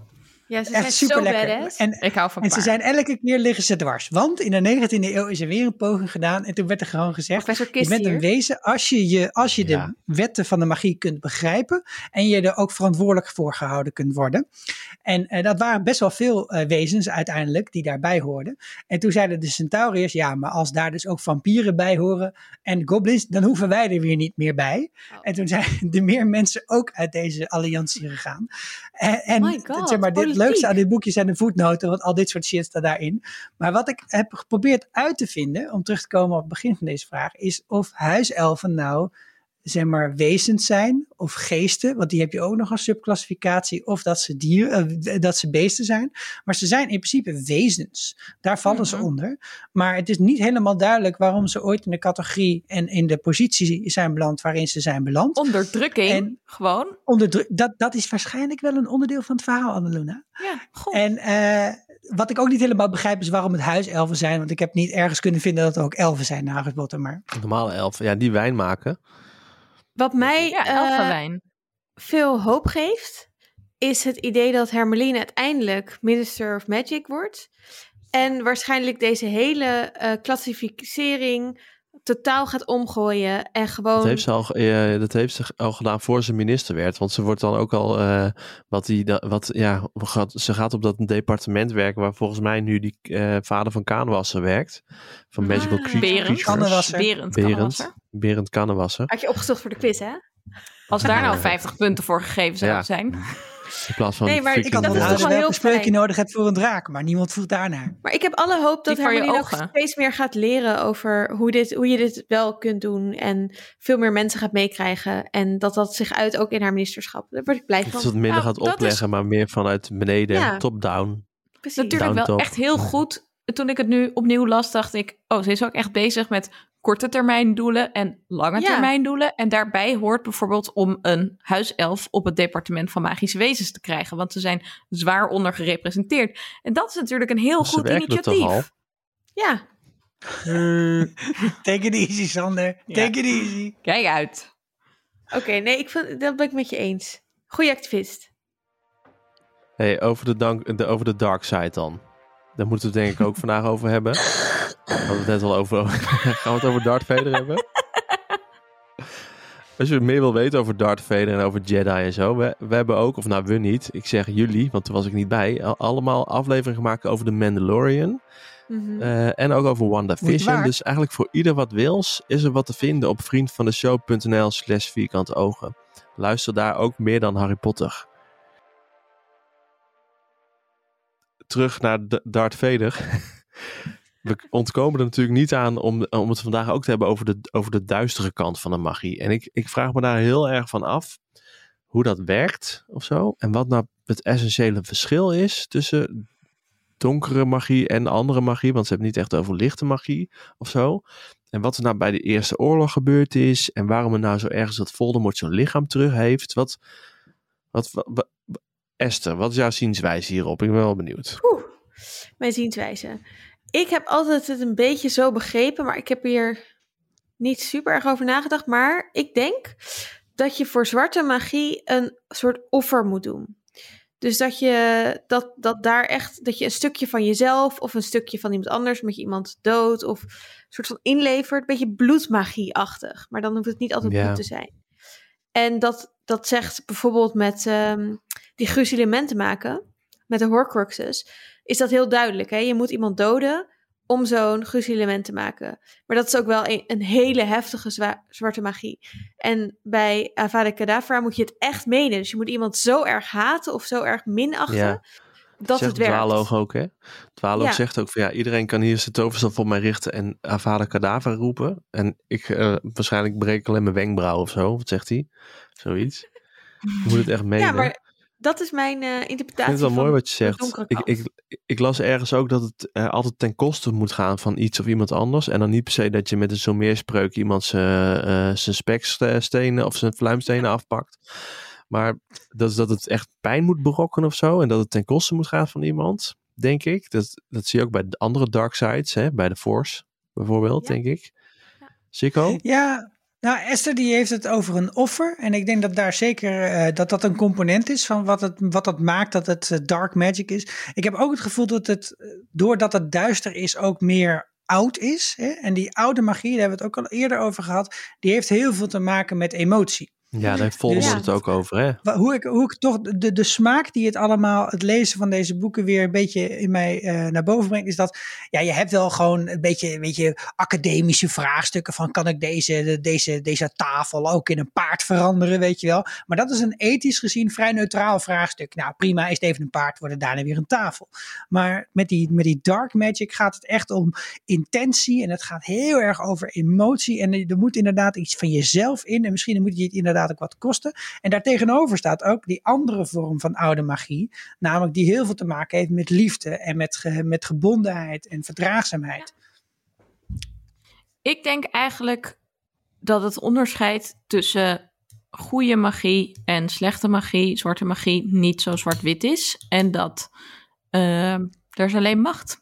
En diegenen die te zwak zijn om te Ja. grijpen. Dat, Nee, dat zat ik dat ook is te niet denken. wat ik is wil ideologie ook, hè? Dat is niet, ik, ga, ik ben niet Voldemort. one. Ehm, maar, nee, wat Wel ik wilde zeggen is... nee, dit was een uitspraak van Voldemort in, in boek 1. Dat weet ik. Anyway. Oké. Ehm, ik ben wel Bellatrix, ja. Maar nee, ik denk dat, het, ehm, dat die grenzen zijn toch heel poreus. Je kan toch een goede spreuk op een slechte manier gebruiken. Of je goede spreuk kan toch slechte consequenties hebben. En je kan ook een slechte spreuk gebruiken die uiteindelijk Ja. misschien betere consequenties heeft. Dus we zien hier natuurlijk in boek 4 wel dat je die bloedmagie hebt. Die inderdaad een offer vergt van Harry, van eh, Voldemorts vader en van eh, de arm van Wormstaart. Ehm, en je hebt die wetten van de magie die heel ongrijpbaar zijn. En het is eigenlijk vet jammer dat de leerlingen niet gewoon een vak krijgen, wetten der magie. Ja, dat zou fysi- een vet vak geweest zijn. Maar oké. Ja. Ehm, want wat je natuurlijk ziet is die arm van, van Voldemort, die, ehm, of die arm die Voldemort aan Wormstaart geeft, Nog die parallel. wurgt uiteindelijk hem. En dat is dus gegeven, is het dan duistere magie? Misschien wel. Uiteindelijk is die, werkt die ook duister voor Wormstaart, maar goed voor Harry. Mhm. Net als Ja. het stelen van Harry's bloed, dat werkt uiteindelijk ook goed. Dus er zijn wel hele fundamentele wetten van de magie die inderdaad lijken te zeggen: oké, een offer aan de ene kant zal ook een offer aan de andere kant betekenen. Ja. Maar daarmee is het denk ik nog niet meteen duister, want ook het offer dat eh, Lily brengt, dat is eenzelfde soort offer en dat heeft uiteindelijk ook invloed op eenzelfde manier, maar dat is geen duistere magie. Dus ik denk dat het poreuzer is. Ik denk en dat, dat, het ook, de dat het ook eh, iets van, eh, twee, ik denk twee dingen. Ideologie heeft er heel erg mee te maken. Dus we hadden het net al over de, eh, over de wereld van, van Harry Potter. Dat ze best wel kortzichtig zijn. En dat ze heel erg kijken binnen die huizen en binnen volken en zo. En, en, en degene die de zwarte magie aanhangen, die zijn daar nog beperkter in. In dat, in, in dat wereldbeeld. Dus het gaat echt dan over puur. We hadden het ook over klamvels net, hè? over eh, de selectie daar. Dus het, zijn- Mhm. het gaat alleen maar over puur bloed. En halfbloed is ook niet goed genoeg. En dreuzels zijn ook niet goed. En ehm, eh, dat is heel beperkt. En ik denk dat dat ook ehm, eh, bij al die andere toveroorlogen. Dus ook eh, onder Grindelwald, als je daar meer over leest online, wat daar gebeurd is. En ook over ehm, eh, de eerste toveroorlog onder Voldemort. Dat het ook echt gaat over het wegzetten van groepen. En keuzes daarin maken. Dus dat, dat dat ook de magie die je dan bij welk kamp uitvoert, dat dat dan ook duistere magie is. En over die, die wet van de magie had ik ook wel wat interessants gelezen. Want je hebt dus bepaalde eh eh, toverstokkernen waarmee je bijvoorbeeld geen Cruciatuscurs eh vloek kan doen. Dus bijvoorbeeld, Oh, wow. eh, eh, bijvoorbeeld drakenhartbloed en zo. Die zijn, sommige kernen zijn veel beter in staat voor onverhevelijke vloeken dan andere kernen. Omdat eh, die kernen veel goedaardiger zijn of zo. Maar waarom is er dan geen Cool. verbod op, op pistolen, op, op geweren, op wapens? Oftewel, verbod op de dingen in toverstokken die dat kunnen doen. Kom Ja, maar omdat ze ook- Omdat je zelf ook andere keuze dingen mee uiteindelijk-. Nee, maar het is uiteindelijk ook, eh, en dat zegt ze ook van Hoe je hem de tovenaar. Ik bedoel, de, de, de stok kiest de tovenaar, maar ja, ook dat hoe je hem zeggen, gebruikt. wapen, dat zeggen wapenliefhebbers ook altijd. Ja, ja. Wat- It just called out to me. Ik denk, ik denk dat die toverstaf heel belangrijk is voor het jagen op rendieren. Mm. Want? Net zoals al die wapens. Dat zeggen de wapenfanaten in Amerika ook. Ja. Oké, over rendieren gaan we het niet meer hebben. Maar ik denk dat we Ah. wel nog zeker uitgebreid moeten gaan hebben over, eh, het, eh, over het wel en wee van de toverstok. En wat je er wel mee kan en niet mee kan. En wat ze zelf kunnen en willen. Over de Elder Wand, over de zegevlier. Maar Oeh, ik- dat is niet voor in. vandaag. Dat is niet voor vandaag, want dat is niet alleen maar duistere magie. En we hadden het nu echt, echt gericht op het terugkeer van Voldemort en de duistere magie. Eh, wat sommige mensen ook heel duister vinden, is de film van het boek. Want er zijn heel veel Wauw, meningen over. Wat een bruggetje. En ik denk, eh, bij, mij is het, bij mij is het poreus. Ik ben best wel blij met deze film. Maar misschien dat andere mensen er anders over denken. Ik heb natuurlijk wat fun facts straks. Maar eh, Esther, je hebt vast de aftrap over de film. Nou, over donker gesproken viel het me heel erg op dat deze film meteen al veel letterlijk donkerder is. Gewoon qua, qua kleuren en et cetera. Natuurlijk ook qua thema's. Maar eh, dan alle andere films. En, en dat is eigenlijk vanaf nu, bij elke film is het heel donker. Maar waar, Mhm. wat mijn eerste ding was dat ik opschreef, is dat ik het zo. Dat ik me nog kan herinneren dat ik echt uitkeek naar de verfilming van dit boek. Misschien wel meer dan de eerdere boeken, omdat ik zelf zo'n fantasie had over die, de zwerkbal. En hoe gaan ze dat dan doen? En hoe gaan ze dat doen met het, het toernooi en zo? Uitknippen. En de eerste 15, zeg maar, ik heb letterlijk opgelet. Na 15 minuten film zitten we op Zwijnstein te kijken naar dat de eh Bobatons binnenkomen. 15, dus alles vanaf de droom van Harry, de zwerkbalcup, eh de, de, donkere Mark, eh, op, naar de Weasleys toe, de reis naar Zwijnstein in de trein. Allemaal in de, het intro-muziekje, de eerste 15 minuten van de film. Terwijl dat is misschien wat ik wel het leukst vind van het boek. En ik weet nog dat ik hier ook echt teleurgesteld in was als kind toen ik die film Oh. zag. Van wow, dit Dat, is... dat die schoorsteenvergissing er niet in zit. Dat vond ik heel jammer. Dat aan het Dus begin ja, dat ze dan met de die schoorsteen geblokkeerd is. Ja. Oh ja, oh Hey, maar- ja, Heel leuk. inderdaad. Het is ook een duffelingloze is- film. Er is wel veel uitgesneden uit deze film, ben ik het mee eens. Daar heb ik me ook af en toe over, eh ja, niet per se aan geërgerd, maar wel verbaasd. Dat Ze sommige dingen die heel actie. Ja, nee, nee, sommige dingen die heel cool waren, eh, die zaten er niet in. En dus ooit overwogen om hier twee films, om twee films van te maken, bijvoorbeeld. Eh, Hmm. Maar wat ik, wat ik wel vind, en wat ik er wel prettig aan vind, is dat het op zich weinig inconsistenties voor het verhaal oplevert. Kijk, de vorige keer was het heel inconsistent met de, met de toverwereld en met eh, allemaal wetten, behalve Lumos, want dat mocht dan weer wel, heb ik net gelezen. Maar eh, de- eh, het enige wat ik jammer vind, dat het, wa- wat er niet in het verhaal zit, is van Bart, Bartok Krenk, junior. Want dat had veel logischer gemaakt en niet heel het verhaal, maar dat hij gaat terug naar Azkaban in de film en in het boek krijgt hij de kus van de Dementor. Ja. En dat had wel veel Mhm. logischer gemaakt in de volgende film. Waarom Perkament zo, zo slecht serieus genomen wordt. Maar voor de rest voor continuïteit vond ik het wel prima. Anluna, Ik heb minder te haten op deze film dan op de vorige. Ik steek het positief kan bij, in. dat kan ook bij niet Dit anders. is mijn positieve insteek. Ehm, nee, ik vond het eigenlijk ook best wel kloppend, grotendeels. En ook wel vermakelijk. Maar wat ik echt heel raar vind, is dat Barty Crouch daar rondloopt op het zwerkbaltoernooiveld. En dat Ja. hij open en bloot, terwijl hij een ontsnapte gevangene is. Hij loopt daar gewoon rond. Dat, bedoel, hij heeft niet eens een onzichtbaarheidsmantel of een vermomming of weet Ja. ik veel wat. Dat is echt gek. En wat ik ook heel raar vind in deze film, is dat Karkaroff, die zie je zo die deuren dicht doen naar de vuurbeker. En dan wordt echt gesuggereerd dat hij degene is die die naam van Harry in de vuurbeker gooit. En je ziet hem ook nog een keertje met Snape beetje roezemoezen. Maar dat is in het boek Mhm. ook wel. Jawel. Ja, maar daar wordt het wel nog dat afgesloten hij met... Hij gaat vervolgens ervan door, want hij is zich rot geschrokken. En later horen we ook dat hij doodgevonden is. En in de film denk ik echt, stel je hebt de boeken niet gelezen. Ik vind eigenlijk dat ze er dus best wel van uitgaan dat je de boeken gelezen hebt voor deze film. En dat er best wel veel dingen anders niet echt verklaarbaar zijn. En dat, ik denk dat ook veel mensen de boeken wel gelezen hebben. Maar anders dan is het toch heel raar, wat dat gedrag van Karkaroff. Want die zie je dus gewoon niet meer terug daarna. Nee, maar de- ik denk dat het echt de suspense opbouwen is. Dat zag je ook voor, Ja. vorige film toch bij Remus. Sikko, Ik- wil jij dat zeggen? Ik, ik ben echt verbaasd dat, dat jij deze film dan nog best wel te, te hachelen vindt. In, in vergelijking tot die fantastische film die de derde film was. Want dit is echt, dit, dit is gewoon popcornfilm. Ik heb het gewoon Dit is dat gewoon. Het is We gaan, zelfs we met gaan, we gaan duistere magie. vechten dit het wordt gezellig. En eh, we hebben nog een heel ingewikkeld verhaal eromheen. Joh, dat, dat laat gewoon lekker zitten. En inderdaad, wat, ik vind het problematisch dat je inderdaad in deze film de, het, het ongeloof wat er spreekt vanuit Fudge tegenover Dumbledore over wat er is gebeurd, dat komt helemaal niet over. Dat moeten ze in de volgende film helemaal repareren.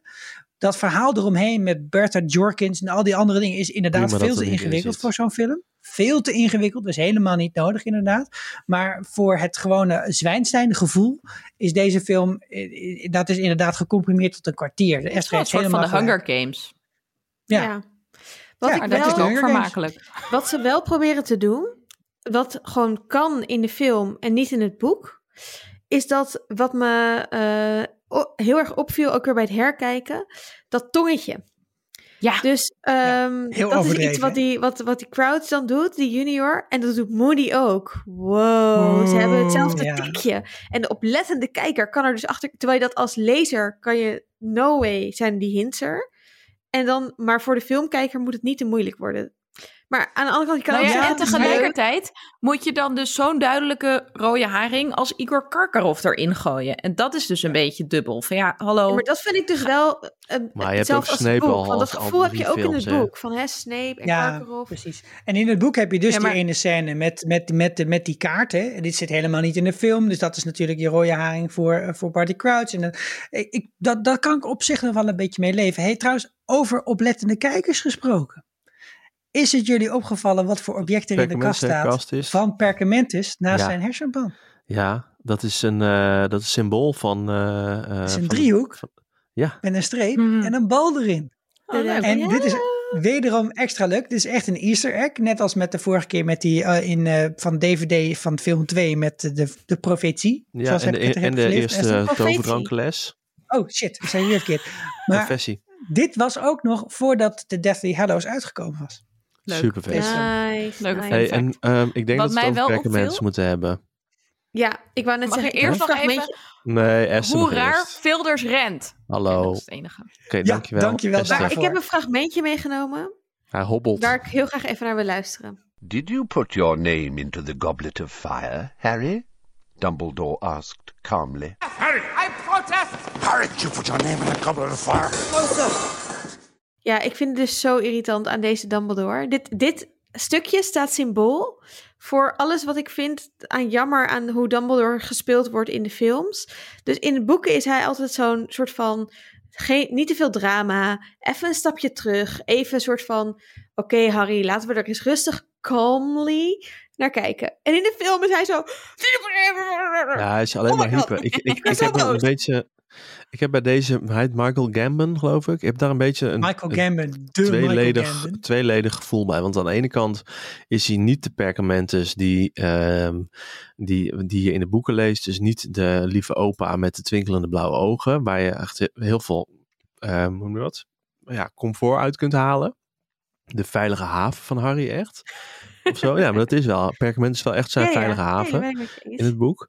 Eh, maar aan de andere kant beschrijven ze in het boek ook steeds wel dat hij zo. eh, ik bedoel, als hij dan in dat kantoor van eh Dollemans, de zogenaamde Dollemans binnenkomt, dan, dan zei Harry van ja, het is wel. Nu zie je wel waarom Voldemort de enige is die bang voor hem is. En, en dat stukje van de, van de perkaments, dat, dat vind ik wel heel vet aan deze. En ik was ik wel benieuwd hoe die andere dat, hoe Richard Harris dat had opgepikt. Precies, daar was, ik, daar was ik ook wel benieuwd naar geweest. En misschien, Esther, ik, ik, dit is een heel bekend voorbeeld. Het staat op alle Reddits, 9gags. Ik, ik zie helemaal wat je bedoelt. Je hebt ook helemaal gelijk. Miljoenen keren bekeken Maar- op YouTube dit fragment. Ik heb wel het gevoel dat, eh, dat Michael Gambon dit wel goed maakt met die laatste scène waarin hij die speech doet over eh, meneer Kannenwasser. Want daar vind ik, da- daar spreekt zoveel emotie uit zijn stem op een andere manier. Eer- eerlijk is eerlijk, maar dat vond, ik, dat vond ik zo aangrijpend dat ik het hem vergeef en vanaf dit moment heb besloten, dit is, dit is. Perkamentus. Maar ik ga één ding erover zeggen en dan ga ik het niet meer in de volgende film zeggen. Maar Michael Gambon heeft voor mij heel erg afgedaan, omdat hij weigerde de fucking Ja. boeken te lezen. Dus deze man Charles Dance. Sorry, maar ik vind het gewoon echt zo disrespectvol naar de fans. Je denkt dat je zelf een betere interpretatie hebt van Perkamentus op basis van die script dan de boeken en de emo... En, ach, sorry. Maar goed, hier, nu hou ik erover op. Ik vond dit ook best een oké film. Ik heb me erg vermaakt. Ik wil, ik wil ook even haten op een casting. En een ander voorstel doen. Ja, maar wacht even. Oké, ten eerste wil ik even beginnen met als Voldemort tot leven gekomen is, hè. Dan heeft hij sick lange nagels. Dat is echt Oh, dat vind ik ook zo naar. Waarom heeft hij die? Wel goed Dat is echt- gedaan. dat- nee, maar het is heel raar. Waarom zou je, als je net een hergroeid lichaam hebt, fucking lange nagels hebben? Het is toch heel logisch dat die dan gewoon een beetje normale lengte zijn? Dat ten eerste. heeft- dat tweede trekt hij dan wel kleren aan. Even, even tussendoor. Mijn dochter, die kort geleden ter wereld is gekomen. Het eerste wat ik heb gedaan, de dag daarna, nagels veilen. Kijk. Ja? Dus ik weet Oh. niet wat je nou probeert te zeggen, Annaluna. Ja, Oké. ze groeit fucking hard. Nou, wat ik dus waar ik naartoe wilde, was dat ik vind dat Voldemort hier ook een soort van cultleider is. Dus ik weet niet wat dit over jouw kind zegt nu. Maar hij, is, hij wordt veel meer gespeeld als een soort... Ik denk dat hij ook wel een charismatisch figuur moet voorstellen. En een beetje zo iemand die eng is door zijn wispelturigheid of zijn onberekenbaarheid. Ja, Ehm, ja. Maar de Voldemort in de boeken is heel kil en berekenend en heel strategisch. En is ook heel beangstigend, omdat hij zo omdat je weet dat hij zo eng boos is of zo. Maar deze Ralph Fiennes is gewoon een beetje gek boos. En ik vind het dus niet eng en niet intimiderend, maar gewoon vooral een beetje Echt niet? lachwekkend. Oh, ik vind Nee, dat ik magische vind hem wel heel ik goed. angst aan jou. Jawel, ik ja. vind het ook wel goed Jawel. gedaan hoor. Maar eng zoals... Nou, nee, oké, ik heb geen zin om politiek te praten, maar... eh, Nee, ik vind hem gewoon... het- dit is Lilian de niet Ploemen.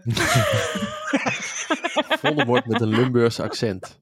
Oh. That would be hem gewoon... Hij is ook te jong, denk ik. Want hij moet hier dus al 67 zijn of zo. Hè? Hij is zeg maar de Henk Krol van de dat Tweede waar. Kamer. Hij- Maar Hij is net Hij is, hij is wel herboren. in en out of body. het is wel echt zo'n boomer energy ook. Maar anyway, Hij lijkt eerder op ik dus Ernst Kuipers, vind ik trouwens. eigenlijk wil ik een remake met Tilda Swinton.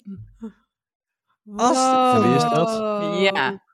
Dat is die vrouw die in Thor Ragnarok de evil genius speelt. En zij is wel fucking eng. En echt heel beheerst eng. Want daar gaat het mis bij Ralph Fiennes. Omdat hij zo'n cultguru is.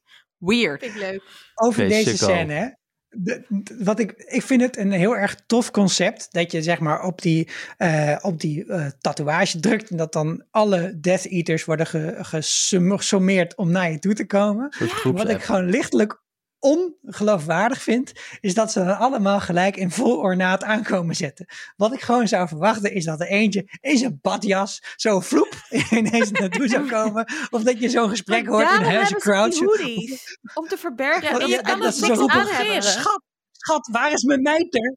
Maar het is niet zo dat had er dat op wel gedrukt wordt en dat je dan Ears gesformeerd wordt. Het is meer dat het een teken is dat je zelf moet gaan komen. Toch? Ja, zeker, maar ze zijn er binnen een vloek en een scheet. hè. Dus, dus ze- ik zou ze gewoon zijn er ook iemand weinig gewoon in de film. is, is een sweatshirt zit of zo van hey, hallo. Het zijn er hier echt zes of zo, zeven.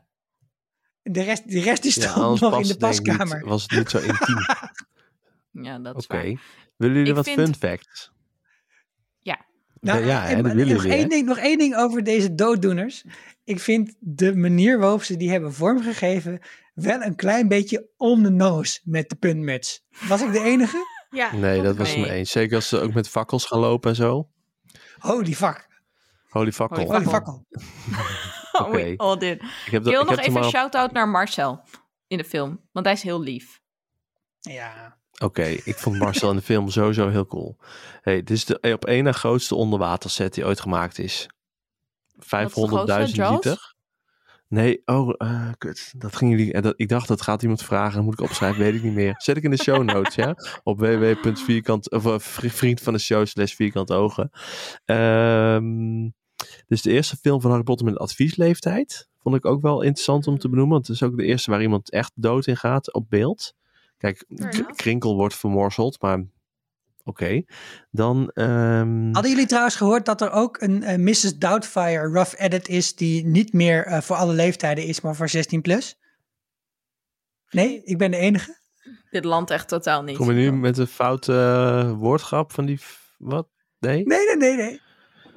Oké. Next fun fact. Nou, leuk om te Nee, weten. leuk. Leuke fun Eh, fact. dit is de enige film, de enige film eh, van, alle, van, alle, van de hele reeks waarin we Hermelien geen spreuk zien gebruiken.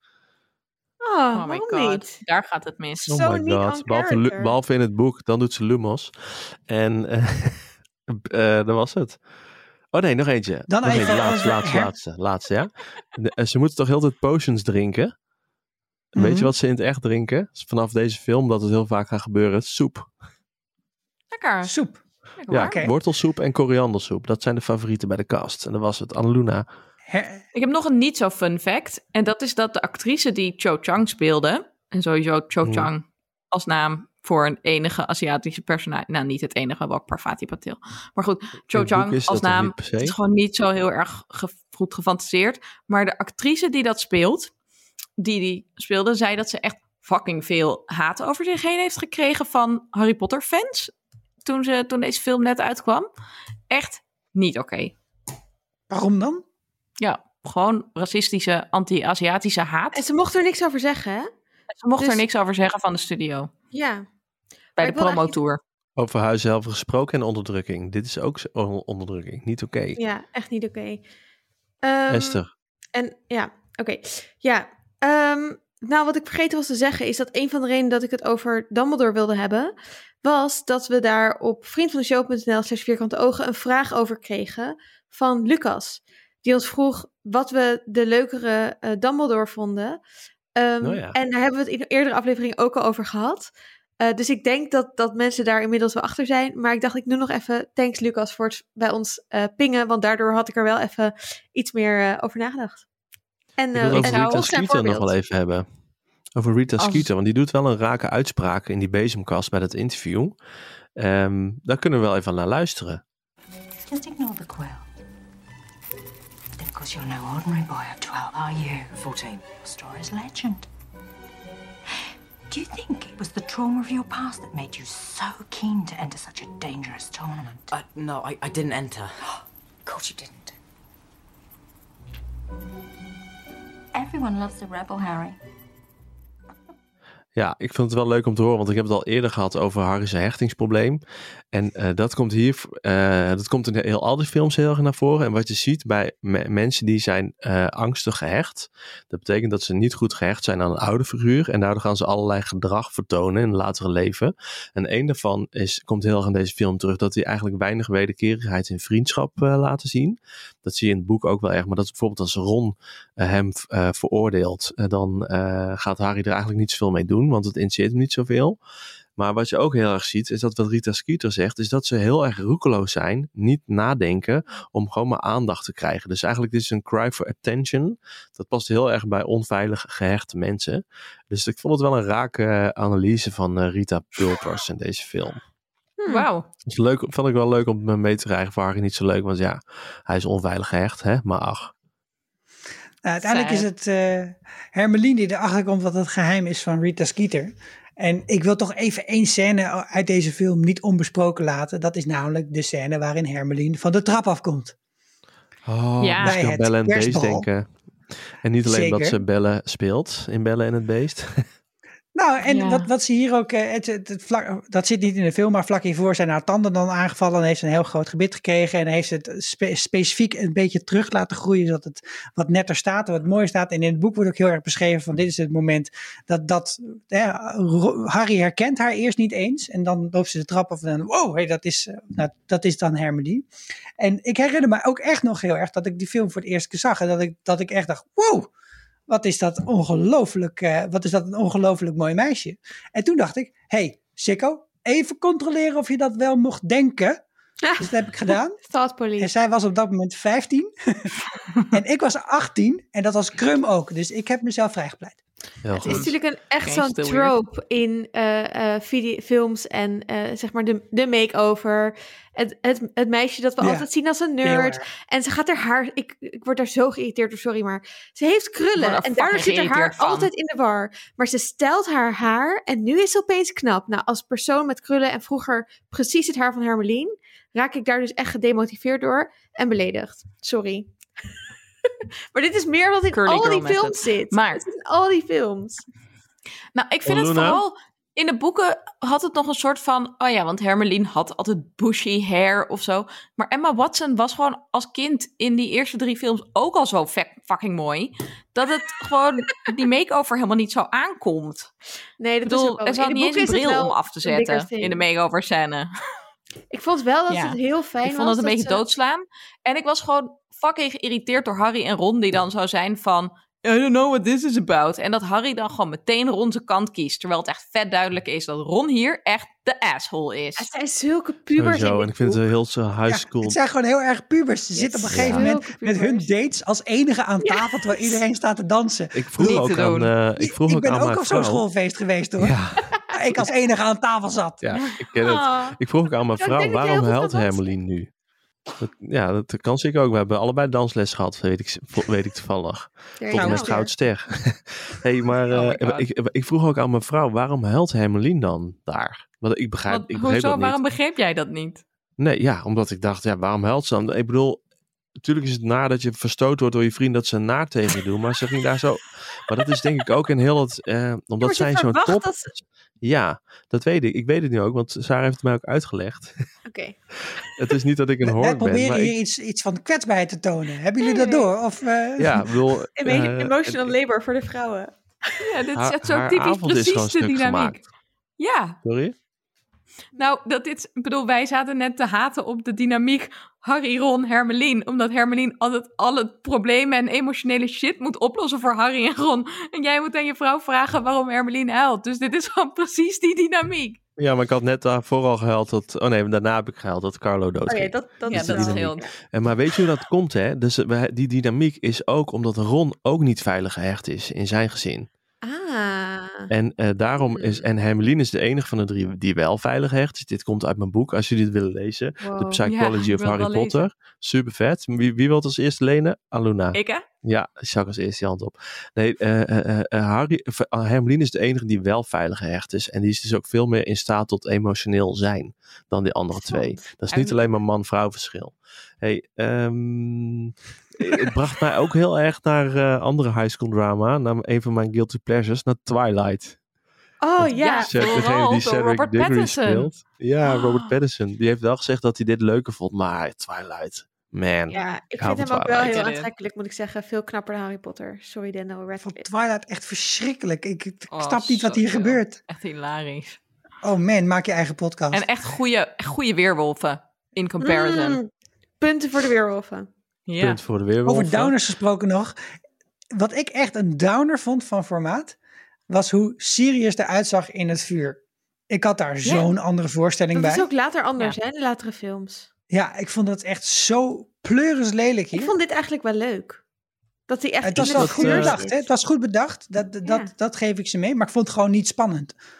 Niet leuk om naar te kijken. En als je dat zet tegen bijvoorbeeld die draken die er fantastisch uitzien. En nog veel meer andere dingen heel goed vormgegeven zijn. Vond ik dit echt een beetje zo. Kijk, bijvoorbeeld een kanon op een paal. Dat vond ik nou grappig. Oké. Weet je wat ook grappig is? Al, al die vragen. ja, in die tent ook. Als het kanon afgaat, bam. We- weet je waar we ook blij mee zijn? En Waar, waar, waar wat leuks om naar te kijken is alle luisteraarsvragen die bij ons binnenstromen. En Ja. eh, eentje, hebben we, eentje hebben we eigenlijk al beantwoord. Want we kregen een vraag van Marco dat in de boeken eh, de campagne van Her- Hermelien heel erg uitgebreid besproken wordt en de films niet. En wat we daarvan vinden. Nou, dat hebben we al gezegd. Hè? Dat vinden wij teleurstellend. Ja. Maar wel, Ja. dankjewel Marco voor deze vraag. Hey, en Elisabeth, die eh, stelde ook nog een leuke vraag. Wat, die zei, wat me opviel bij opnieuw lezen is dat Hagrid een accent heeft, maar wel gewoon Engels kan. En in de film wordt gesuggereerd dat het niet kan spellen en schrijven. Why? Dus op die taart staat bijvoorbeeld happy. Ja, ik kan het niet... Nee, Ja, het staat fonetisch geschreven. Het staat Mag ik- fonetisch geschreven. Dat is omdat de films stom zijn. Annaluna, we get it. Ja, en volgens mij Ja. ook, omdat, eh, daar hebben we het al een paar keer over gehad, is dat Hagrid ook wel echt wel zielig is en onder, een beetje onderdrukt wordt misschien ook wel. En dat hij eigenlijk geen mening mag hebben. En dat, dat het in de film nog extra aangedikt wordt of zo. Doordat Ja, hij niet denk- goed kan schrijven. Ik denk dat, dat het ehm, ook om te spelen, om iemand te spelen die niet zo goed kan praten, dat je heel snel als een soort karikatuur overkomt van een groot, dom, onhandig iemand. Dat dat eigenlijk echt anders is dan als je het leest. En ik kan me best wel voorstellen dat ze. Ik, ik weet het niet, ik heb het niet opgezocht. Maar dat als je daar een, screen, een paar screentests op doet, dat je denkt: dit ko- komt gewoon over als een soort van het gewoon heel negatief neerzetten van, ja, van zo'n personage. Want ik vind dat hij in hoe die doet en hoe, die, hoe de acteur het speelt ook echt wel, wel het Hagrid gevoel heel goed overbrengt. Ja, Dus het is niet alsof je denkt, nou, dit is Zeker. een veel slimmere man dan de Hagrid in het boek. Dus Ja, ik kan me best nee. voorstellen dat het een bewuste keuze is geweest, omdat gewoon het anders, it translate different, differently, zeg maar, vanaf tekst dan, eh, dan dat, je, dat het gespeeld wordt. Ja, en kijk, weet je, de, de, de, de, de props department kan een of andere slechte taart eh, op eh, tafel flikkeren. En misschien komt het in de kut en misschien komt het niet in de kut. Maar Co- Wat? Robbie Coltrane heeft gewoon... That's what she said. Er zit een taart in je kut. Ja, ik zeg het gewoon even. Maar Robbie Coltrane heeft gewoon ook echt goed voorbereid. Die heeft lang gesproken over wie Hagrid is. Die wist al deze dingen al over hem in film 1. En hij doet het gewoon fantastisch. Hij is echt heel leuk, eh, Hagrid. Oké, eh, jongens, zoals het eerste kwartier van die film eh, ging eh, onze podcast ook weer vliegensvlug voorbij. Want we zijn alweer aan het eind gekomen van Hadden we onze niet nog een bespreking. vraag gekregen over of er nog een Sphinx in de film zat? Maar die zit er dus niet Nee, maar in. ik wilde niet weer eindigen met vragen over het verschil tussen de film en het boek. Dus Dus ja, de Sphinx zit in de film. Nee, eh, wat, wat ik mensen nog aanbeveel, mocht je nog een doedelzak solo willen zien, of het verschrikkelijke nummer Hoggy Hoggy Hogwarts, kijk dan nog een keer de extended DVD version, want ook Oeh. deze keer was hij zeer underwhelming. Hmm. Hey, en volgende week bespreken we Harry Potter en de Orde van de Phoenix. Daarom, da- daarom ga ik nu zo meteen snel beginnen met lezen van dat boek, want we hebben maar een week en het is fucking dik. Ehm, dus, nou, Oeh, zijn we weer aan het duistere eind. tijden. Mocht jij eh, vragen hebben over allerlei dingen van Harry Potter, deel het alsjeblieft met ons op eh vriendvandeshow.nl slash vierkante ogen of op Twitter. Wat is het Twitter-handle? Het vierkante sw. En eh, Vierkante Ja. ogen. Vierkante toch? ogen sw, van show. SW. Kunnen we het in de als je show op notes zetten? vierkante Op, ogen zoekt, dan kom je er wel. Nee, en ik vind het ook leuk als je op vierkante ogen deelt, eh vriend van show.nl slash vierkante ogen. Als je het nou heel erg met ons oneens bent, wat natuurlijk ook ja, heel goed kan. Of het juist heel erg met ons eens bent. Zeg, oh Esther, je hebt zulke goede theorieën over dingen. Vind ik ook leuk om te horen. over dingen. Dus Je hoeft niet Als altijd het een vraag te hebben. is. Dat Chico niet zoveel mag over vertellen over taarten in geslachtsdelen. Zeg het Nee, ons dan Als alsjeblieft. jullie nog een keer aan Sander uit willen leggen waarom er iemand moet huilen. Precies. Of als Ik je ga gewoon denk ik deze in theorie graag wil delen. Opname beëindigen. Ja, ik denk oké. het ook. Dankjewel. Bedankt voor het Fijne luisteren. avond allemaal. Bedankt. Hartstikke leuk. Tot de volgende keer.